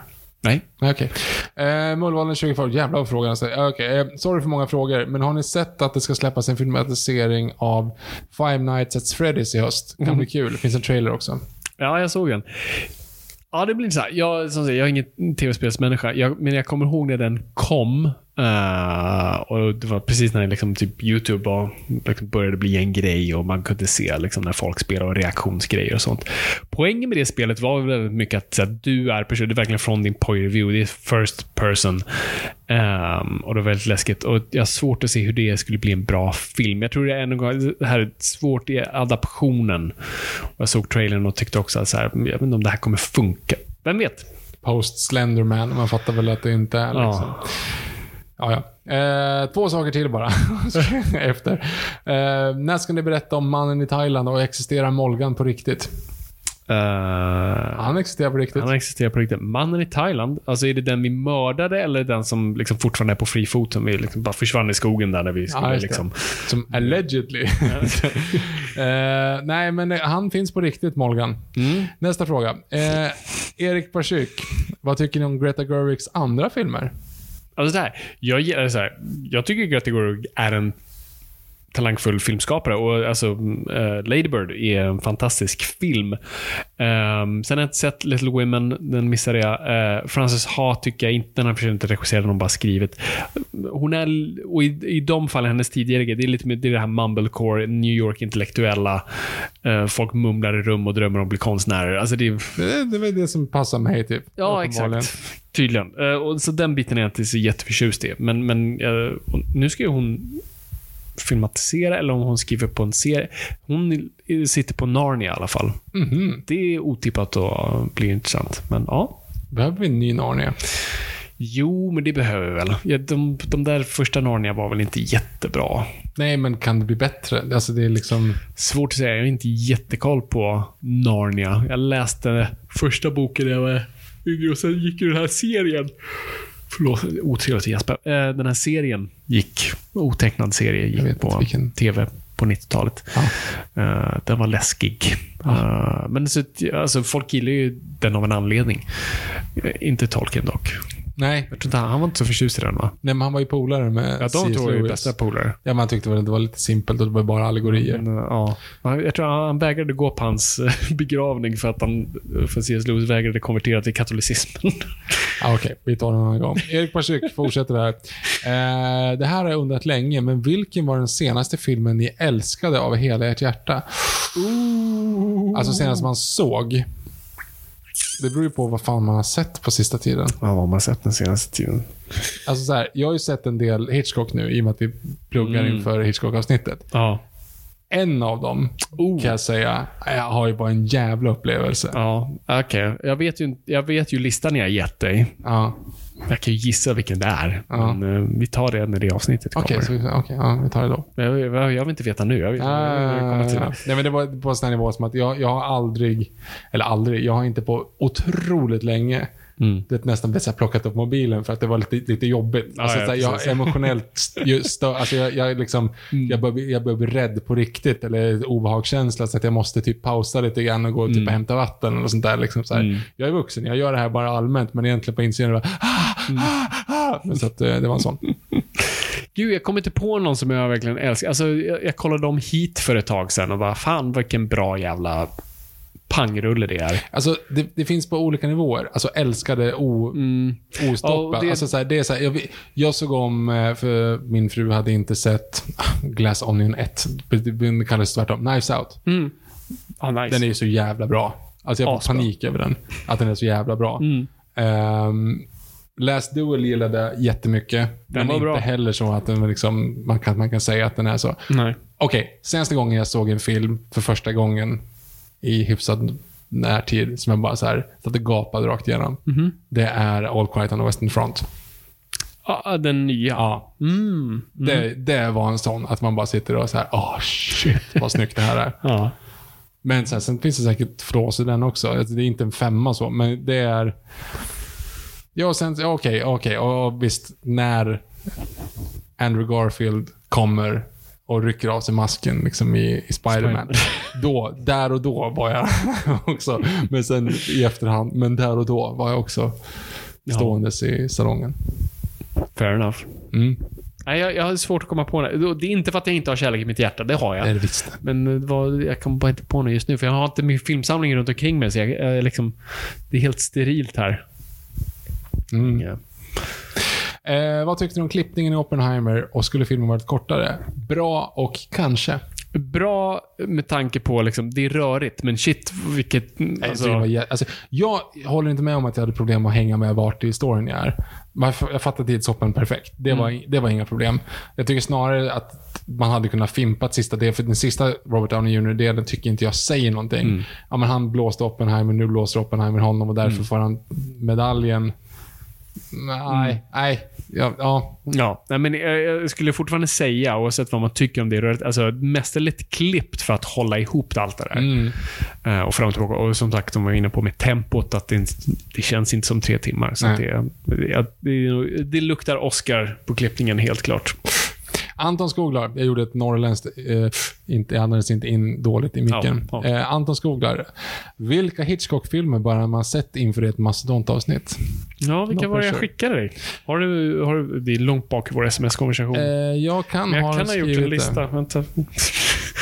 Vi googlar inte nu, by the way. Vi, Jag går omkring i anteckningar. Uh, Doobidoobidoobidoobidoobidoobi. Eh, Hitchcock, North... jo, jag har dem. Där. Psycho, Ja, North by Northwest, ja, Rear Window, ja, Vertigo, ja. Rope, Ja. Dial M for Murder och Stranger on the Train. Ja, det var Och eh, The Birds var väl där också? Eller tog jag bort den? Du tog bort den. Jag tog, men du har sett The Birds, Ja, så det är därför Birds. så att jag tänkte Ja. att den, den sitter. Ja, så det, är- där hade du dem. Psycho, North by Northwest, Rear Window, Vertigo, Rope, Dial M for Murder och Stranger on the Train. Vi kommer prata om fler, men jag tänkte så här, är, Det är bra är du liksom Hitchcock i- illiterate? Du kanske ska lägga ut den på, no- på Instagram Ja, faktiskt. men vi gör det inför när, det är några, när det väl när på är dags. en vecka kvar. Vi har, liksom. vi har en annan regissör mitt emellan, men vi kommer vad tillbaka fan. Okej, vi säger det nu så jag inte glömmer det. Så nästa avsnitt Ja. om Gud vill och byxorna håller, som du sa. Ehm, eftersom vi förlorade eh, William Friedkin här Ja, just det. för lite tag sedan. Så insåg jag bara, just det, men han, han må, det kommer inte finnas en anledning att prata om honom, om inte nu, aldrig. Så att, och en otroligt fascinerande regissör som är liksom en av de stora, men som är lite så här kryp undan, som man inte riktigt tänker på, men som är i kaliber av en Coppola och Scorsese och liksom den, den generationen. Men som man inte alltid tänker på. Trots, och, och jag, en, alltid en anledning att prata om The Exorcist, som du inte har sett. Nej. Som då jag kommer få uppleva via dig Ja, för första gången. Så det är bara det ser jag fram emot. Ja. Så det blir en William Friedkin centrerat avsnitt. Okej, Sen Hitchcock. ge mig listan. Eh, Uddenberg. Har ni sett en vansinnigt bra serie än Yellowstone och varför hatar Fabian den? Jag hatar... Har jag sagt något? Nej, men du förväntar mig att du hatar den. Nej, jag, jag började kolla på den. du säger Men jag bara hatar den, så att jag... Nej, men jag diggar den. Alltså, jag, jag tyckte det var, det var välgjort och bra, men jag fastnade inte. Och sen, eh, som med, med så här, det är så mycket content där ute, så glömmer jag att jag kollar på en serie och sen kommer på att jag, oj, jag, just det, den kollar jag på.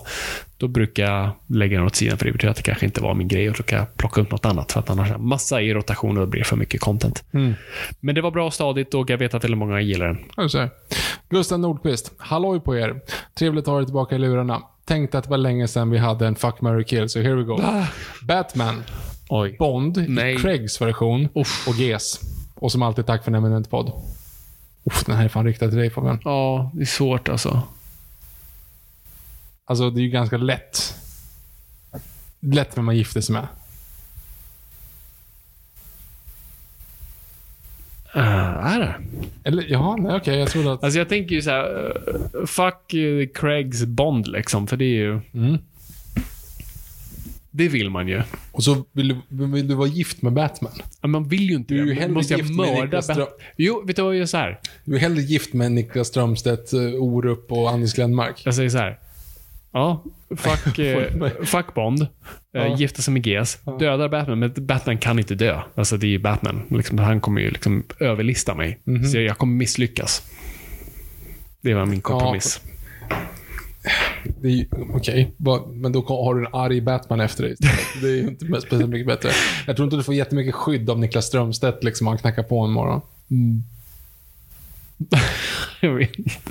Jag skulle nog se dig- med ett kärlekskollektiv med hela GES. Ja, jag, funkat, jag är inte helt liksom. emot. Ja. Och Batman efter mig. Det är, Ja, det är det som är lite jobbigt. såg en fantastisk reel när, eh, liksom, hur det är och liksom, när man går på handikapptoan i, i Gotham. Och, Alla Batmans.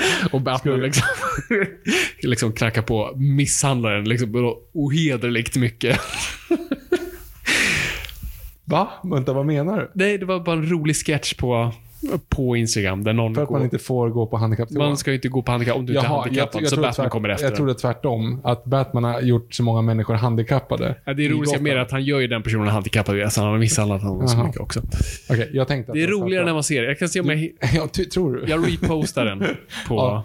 Men jag trodde att du menar, i och med att du säger ju alltid det, Batman får inte mörda, men de får gärna få folk att han- andas som ett sugrör. Så det känns som att det är ganska många som borde vara handikappade i Mm. Gotham City. det är sant, jag Att har det är inte ens längre tänkt på kö det. till handikapptoaletten. Sluta skratta, det låter ont. Yes. Eh, Emil Yards. Ni har ju haft era cineastår och sett många klassiker. Hur ligger ni på den fronten nu för tiden? Hur ofta hinner ni slash orkar ni beta av osedda måste-filmer? Tämligen aldrig, Nej, du, du har nog svårt. Och jag har haft lite, men jag har börjat plocka upp det igen. Och lite nu för att jag har Prime, så har lite, de har varit duktiga på lite äldre klassiska filmer. Så jag har försökt beta av lite där. Jag har gjort medel, eh, medel Svensson, förortspappa som kör Volvo och har tax-versionen av det. Ja, vad är jag det börjar då? lyssna på klassiska böcker istället. Ja, men det är väl nice. Alltså typ så här, nu har jag förvisso läst 1984, och jag, lä- men eh, processen, Kafka till Mm. Ja. Mm. exempel. Jag har den boken, men jag har, liksom, jag har inte tid att Nej, läsa den. nej. Så jag kan lyssna på den. Mm, det är väl Så bra. jag svarar, istället för att se klassiska filmer, så liksom lyssnar jag på, inte läser den, så utan lyssnar på klassiska böcker. Ja, det är tragiskt, men det är Nej, sant. men, eh, jag, börjar, jag kollar nu Cape Fear, som är helt missat. Eh, en Scorsese-film med Mm. De Niro. Uh, som var också, åh vad jag saknar den här tiden av film. Som Varför? sagt, åt- nej, men 80-90-talet var en sån renare period. Inte, har inte den en ganska När man- explicit scen? Uh, jo, det har den. Ja, Eh, absolut. Så att, som inte är så ren. ren? Du sa precis en ren tid. Jaha, jag menar ren i form av oskyldig fast samtidigt inte, alltså. Jag tror jag sa det tidigare, när armén var bra, djur var, då, djur var dåligt. Vi ett tidigare avsnitt. Det har inget med Cape göra, jag bara tycker det är roligt. Jag får inte ihop. Nej, inte jag Ja, heller. men jag- Mycket går inte ihop just nu. Ja. Men, ja. Men, men jag förstår grejen. Armén Poängen är bra, med djur då. Ja, Natur och djur. Ja. Och utländska språk. ja exakt. Dåligt. Nej, men grejen med 90-talet var liksom, det, det är på något sätt den här mellanperioden då det fortfarande var liksom, då film liksom hade perfected, alltså det var verkligen nu liksom peak film. Det ser fortfarande hyfsat modernt ut eh, och det har tillgång till modern teknik. Men det är fortfarande inte så PK. Så det är lite så här, det är lite dodgy ibland. Man säger, ah, okej, kan vi göra så här? Man glömmer bort hur gamla de faktiskt är. Vilket gör det väldigt roligt. Så det, det, 90-talsfilmer är så kontrastfyllda, för det är just mell, mellan liksom vår tid nu, den moderna och den gamla. En övergångsperiod, kan man säga. Tomorrow Never Dies. Där har du Just det. Nej, det är inte... Nej, det var inte. Ja, Taste different. Eh, Miles Power. Vad är grejen med bioreklam ofta säger bara på bio när alla vet att det är en lögn och självklart kommer släppas på Blu-ray och DVD och VHS och vinyl och så vidare innan de är nöjda. Fortsatt tack för en behärlig podd förresten. Tack själv. sant. Stäm dem. Jag, första gången jag tänkte på det var Toy Story 2, när den kom. Bara Ja. på bio. Och jag blev såhär, nej! Mamma! Missat! Vad är de dumma? Och då kom jag att jag liksom tänkte, jag var, var nio när den Ja. kom. De är dumma i huvudet. Fan mycket pengar man hade tjänat om man släppte på VHS. Vad håller de Ja, på med? det. Liksom, sen bara, aha. Jag tror det var februari. Och att den scenen ser bara på bio, den när han rids som vinden, bullseye. Mhm. Ja, ja, ja. Och så kommer bullseye ut och håller för. Just det. För att den tappar. Sadeln. Där han bryter eh, fjärde väggen, tredje väggen, andra väggen, en vägg, mellanväggen, Mhm. fjärde väggen, femte väggen, Tredje vägen. tredje väggen, Tror jag. fjärde, femte, åttonde. Borde väggen, fyra. väggen i alla fall. Att han tittar faktiskt in i kameran och skyller sig själv för kameran. Just det. Bullseye. Men det är ju hela poängen med det, är ju att det är en film och att det är ändå interagera med kameran ibland. Ja. Va? Nej? Ja, Alltså med, med blue, de fejkade blooper reelsen, alltså inte filmerna. Nej, det är ingen blooper. Ja, nej, det var delen. Nej, Reeds and Winden var såhär och sen så ramlar han ju av. Och då Är du han- säker? Nej, det, Ja, det är jo, blooper jo, reelen. nej, det är för, inte alls för det. Pixar gjorde ju blooper Ja, reels, jag vet, fejkade. Jag vet Fabian. Uh, Okej, men jag kan min Toy Story 2. Ja, jo, det är Han sant. glider av och han försvinner iväg och då så här, och så ska, han hjäl- ska Jesse hjälpa honom upp. Sen, nej, nej, jag är skicklig, okej? Ja, okej. Nej, jag, du, du har barn och sett de här filmerna. Nej, nej, nej, nej, jag har inte sett, nu har jag inte sett dem ganska länge förvisso. Okej, och jag ber om ursäkt för att jag sa att jag kan min Toy Story 2. Jag, jag kan ha överdrivit där. Men jag är ganska säker för att det är det som händer. Han ramlar ju av. Och när han ligger ner så kommer ju Jesse ska hjälpa honom upp. Och så nej, nej, nej, jag är skicklig, okej? Och så säger ja, så är du? Och så börjar nej, nej, nej. Och så börjar man liksom kittla honom. Och det är då de skickar ut Potato Heads öga genom precis när de kommer. Åh nej, de torterar honom. Ja, just det. Hur ska vi komma ut? Använd huvudet. Jag vill inte använda huvudet. Ah. Och då håller de på och kittlar honom, så de tittar ju upp när de kommer in och säger Grabbar! Nej, nej, de är mina vänner. Ja, vi är hans vänner. Nej, nej, de är mina vänner. Ja, Fortsätt. ja, Okej, förlåt. Du förstår jag Känner du energin här börjar sjunka? Ja, Sockerkicken från på tok för mycket Din socker. fru har bakat för mycket för det här. Ja. Eh, Anton Skoglar, eh, tankar kring att James Gunn öppet sagt att Batman Begins is not good och vilken påse chips köper ni till fredagsmyset? Jag har inte sett det här. Jag behöver källor på det. Ja, det Varför låter, skulle han säga det för? Det låter jättekonstigt. alltså det, det, det låter, ja fan det låter felciterat. Äh, Om han säger det har säkert skett. Is not God kanske? ja, felstavat. Ja, det, måste kolla upp det här. Och vad var fråga nummer två där? Vilken chips köper ni till fredagsmyset? Eh, vanliga saltare. Jag är jättetråkig. Du, det är så konstigt. Salta, du kan lika gärna skita i det. Nej, det är som att äta typ pommes frites. Ja, men exakt. Det är jättegott. Du, man ska ha, smak, man ska ha liksom smaker som gör ont i munnen.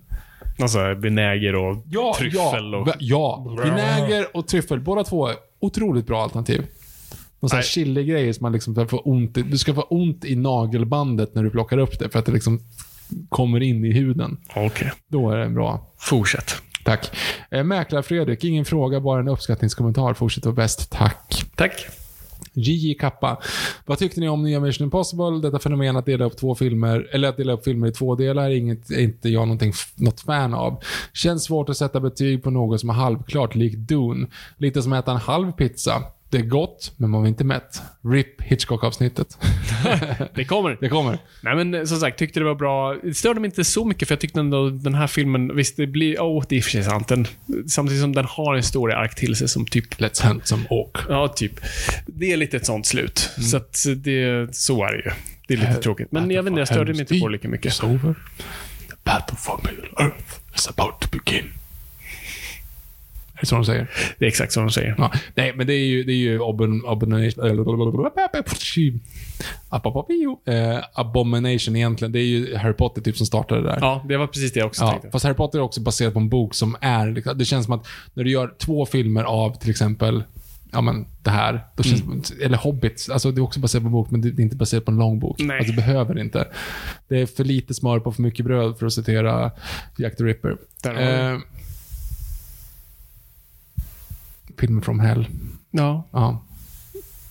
Ja, att de, att de, ja, för det är Ian Holm. Ja. Och han är Bilbo. Jag fick ingen reaktion överhuvudtaget när jag drog ett jätteroligt skämt. Som sagt, sockerkicken börjar... Ja, precis. Erik Pachuca, men vad fan igen? Okej, sista frågan. Jag lovar. Men har du under sommaren lyssnat en del på nekade Bond-låtar? Har ni någon favorit Jo. från dessa? Själv hade jag älskat att se Spectres att se Spectre med Radioheads låt. Ja, den, den, är ju, den nämns ju väldigt bra. Jag gillar ju eh, Johnny Cashs Just Thunderball. det, Thunderball. Just det. Eh, sen gjorde... eh, Åh, vad heter hon? Tom Shirley Jones. Bassey. Ja. En låt för Quantum of Solace med eh, David Arnold. Som inte Ah. blev... Eh, men som David Arnold, liksom, när den blev nekad, så ah, men fuck it, jag kommer fortfarande använda den melodin. Så det är liksom själva Quantum Solace-melodin. Liksom temat genom filmen. Det har ingenting med Jack White och Med Alicia Slick Keys att göra. Trigger Finger Mm. for Your Majesty kom istället. Exakt. Så att uh, No Good About Goodbye heter Mm. den här låten. De, alltså, alltså, det är inte den bästa Bond, men den är väldigt så här, klassisk Ja, ja. Bond-låt. Och, alltså, det, är, det är det som har varit så synd med David Arnold, att han har fått så få låtar in i sina Mm. filmer. Eh, för den är ju också den är bättre Surrender, som är med, som han skrev för Tomorrow Never Dies, men som då blev upp, liksom skjuten till eftertexterna istället. Mm. Det är bättre än... Vilka nu är det som gör... Tomorrow Mm, ja, den. Mm. Jag vill säga... Mwah. What the Frenchmen call I do not know French. Sheryl Crow? Ja. Eller det är Word is not enough? ja. Nej, det är garbage. Okej. Kan det vara Sheryl Crow då? Så då kan det vara Sheryl Crow. Ja, har Sheryl Crow gjort ett... Okej, skitsamma. Det är snart värt att googla. När vi stänger av får vi googla. Sista frågan nu då. Oh. Fabian, tagga till. Mikael Röding. Fabian. Oj. Det är dags att bekänna färg här. Jaha. På Instagram existerar en bild där du står och håller och drar i en stor check från Postkodlotteriet. Förklara gärna bakgrunden till den bilden. Om det är så att jag har sett fel, att det inte är du på bilden, då tar jag tillbaka frågan. Nej, det är, jag, det är jag på bilden som håller en miljardcheck. Och nej, jag har inte vunnit en miljard kronor på Svenska Postkodlotteriet. Nej, det är på tal om det jag sa förut. Då, eh, den här streamingbubblan kommer snart spricka, så jag började säga jag måste diversifiera mig. Eh, Så ja, så, eh, så manusfattandet fortsätter, men jag eh, hjälper även postkod, Svenska Postkodlotteriet eh, med lite copywriting och lite annat, vilket är superkul. Eh, för det är jävligt coolt. Eh, tack vare lottköparna ger bort en miljard kronor om året till välgörenhet. Jävligt ballt, så det är kul att kommunicera det. Och få stretcha andra muskler. Så att, eh, det har varit jättekul att bolla det samtidigt som den här andra grejen ja gör. Precis, som kommer på... Okej, fan. Okej. Så ja, svar på det. Det är jag på De har suttit checken. och lyssnat i tre timmar, du kan inte ge dem ens... okej. Nej, men jag, jag vet inte. Okej, jag lyssnade på, jag var på eh, um, eh, ljudmixen här för ett par veckor sedan. Fan, ljudmixen för någonting. Ja, eller för sig, det var inte ljud, dialogmixen. Uh, någonting? ja, det, det var, jag lyssnade Jaha, på... jag trodde det typ var en podd. Jaha, nej, Alltså, nej. jag var på ljudmixen. Ja, nej, nej. nej. Ja, ja. Man, man, jag lyssnade på materialet, att det lät Jaha, bra. okej. Det är inte jag som säger bu eller bä om det, men jag fick i alla fall komma in i rummet och Mm. så här, ge Har du skrivit om Tommy nu då? Nej. Okej. Mm. Nej, jag har, jag har inget att ge er än. För Det var det man funderar på om det man skulle först... Jag, jag tycker om den lösningen ni gjorde ändå. Man tänker först att man skulle göra digital Ja, okej. face replacement på Ole där liksom så här. Lasse Åberg kan ju fortfarande vara liksom Stig-Helmer, men just eh, ja, Mm. att ni löste den. No comment. Ja. Arn 3. Okej, eh, vi eh, skiter i det här nu tänkte jag säga. Mm. Vi är klara. Jag tror vi är klara. Herregud, vi höll på på tok för länge som vanligt. Men okej. Men, men, men nu är det så här. Nästa gång William Friedkin, så Och när länge... är det då? Ja, vi, vi lovar ingenting. Vi Okej. är så här, stå kvar och vänta. I regnet. I regnet där. Pappa kommer.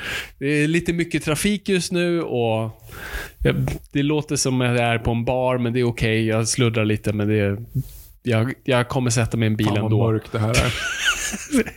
Jag är på väg. um, ringer till mamma. Ehm, så, alltså jag hoppas så snart som möjligt, men, men du måste se lite film. Eh, och jag måste se om lite film. Ja. Eh, och jag har gett dig en lista på Freakin-filmer. Har du? Ja, det gjorde jag väl? Gjorde du? Ja. Jo, det gjorde jag. Ja, det är bara att kolla i vår sms-konversation så ligger det där. Det är så mycket Sagan om ringen-memes. Jag kan ta upp dem jag skickade till dig. Så Ja, kan vi, kan det här vi, är bra content. Kan vi inte, ah, det här är så jävla bra content. Nu måste jag, åh herregud, har jag, har jag skrivit upp det här någonstans? Eh, nej, såklart inte. Det är vår... Vi... söka freakin bland i sök så borde den komma upp i det. Jo, men jag sökte såklart i mina anteckningar, men såklart har jag ju raderat de Nej, men anteckningarna. du kan ju söka i sms också. Kan jag göra sånt? Det, oh, Sök teknik. Exorcist, så borde den komma upp. Nej. Jag skulle också kunna göra det för som. Eh. Jag kan helt ärligt säga att när du sa att vi ska göra William Freaking så tänkte jag, Hur? Men ehm, nu är jag jätteinsatt. Ja. Och kan nämna alla andra filmer förutom Nu är det så här. Friedkin-filmer att se. Mm. Eh, som jag gav dig. Vi kommer prata om fler, men jag vill att du... Hur länge sedan skickade du den här? Eh, 9 augusti. Ja, men det var inte så konstigt att jag inte har kollat på Nej. allting än. Så French Connection. Just det. Och då fanns den på Disney+. Plus, Så det kan jag säga. Mm. Eh, Sorcerer. Aldrig talas om. Nej. Och Cruising. Den vill jag egentligen också vara i rummet när du ser. Vad är det för någonting? Eh, det är en Al Pacino-film. Eh, jag Mm. säger inget mer. Ehm, och sen såklart kommer ju The Exorcist. Ah, Okej. Ja, men det blir bra. Det fixar. Pluspoäng på Killer Joe. Mm. Okej, Sen blir Hitchcock. Nu bommar vi igen där. det gör vi. Tack så jättemycket för att ni har lyssnat. Det är kul att vara lyssna, men kom ihåg folk. Ingenting är för nördigt.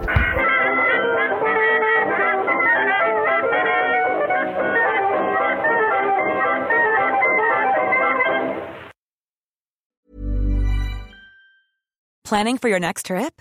Elevate your travel style with Quince. Quince has all the jet setting essentials you'll want for your next getaway, like European linen, premium luggage options, buttery soft Italian leather bags, and so much more. And is all priced at 50 to 80% less than similar brands. Plus, Quince only works with factories that use safe and ethical manufacturing practices.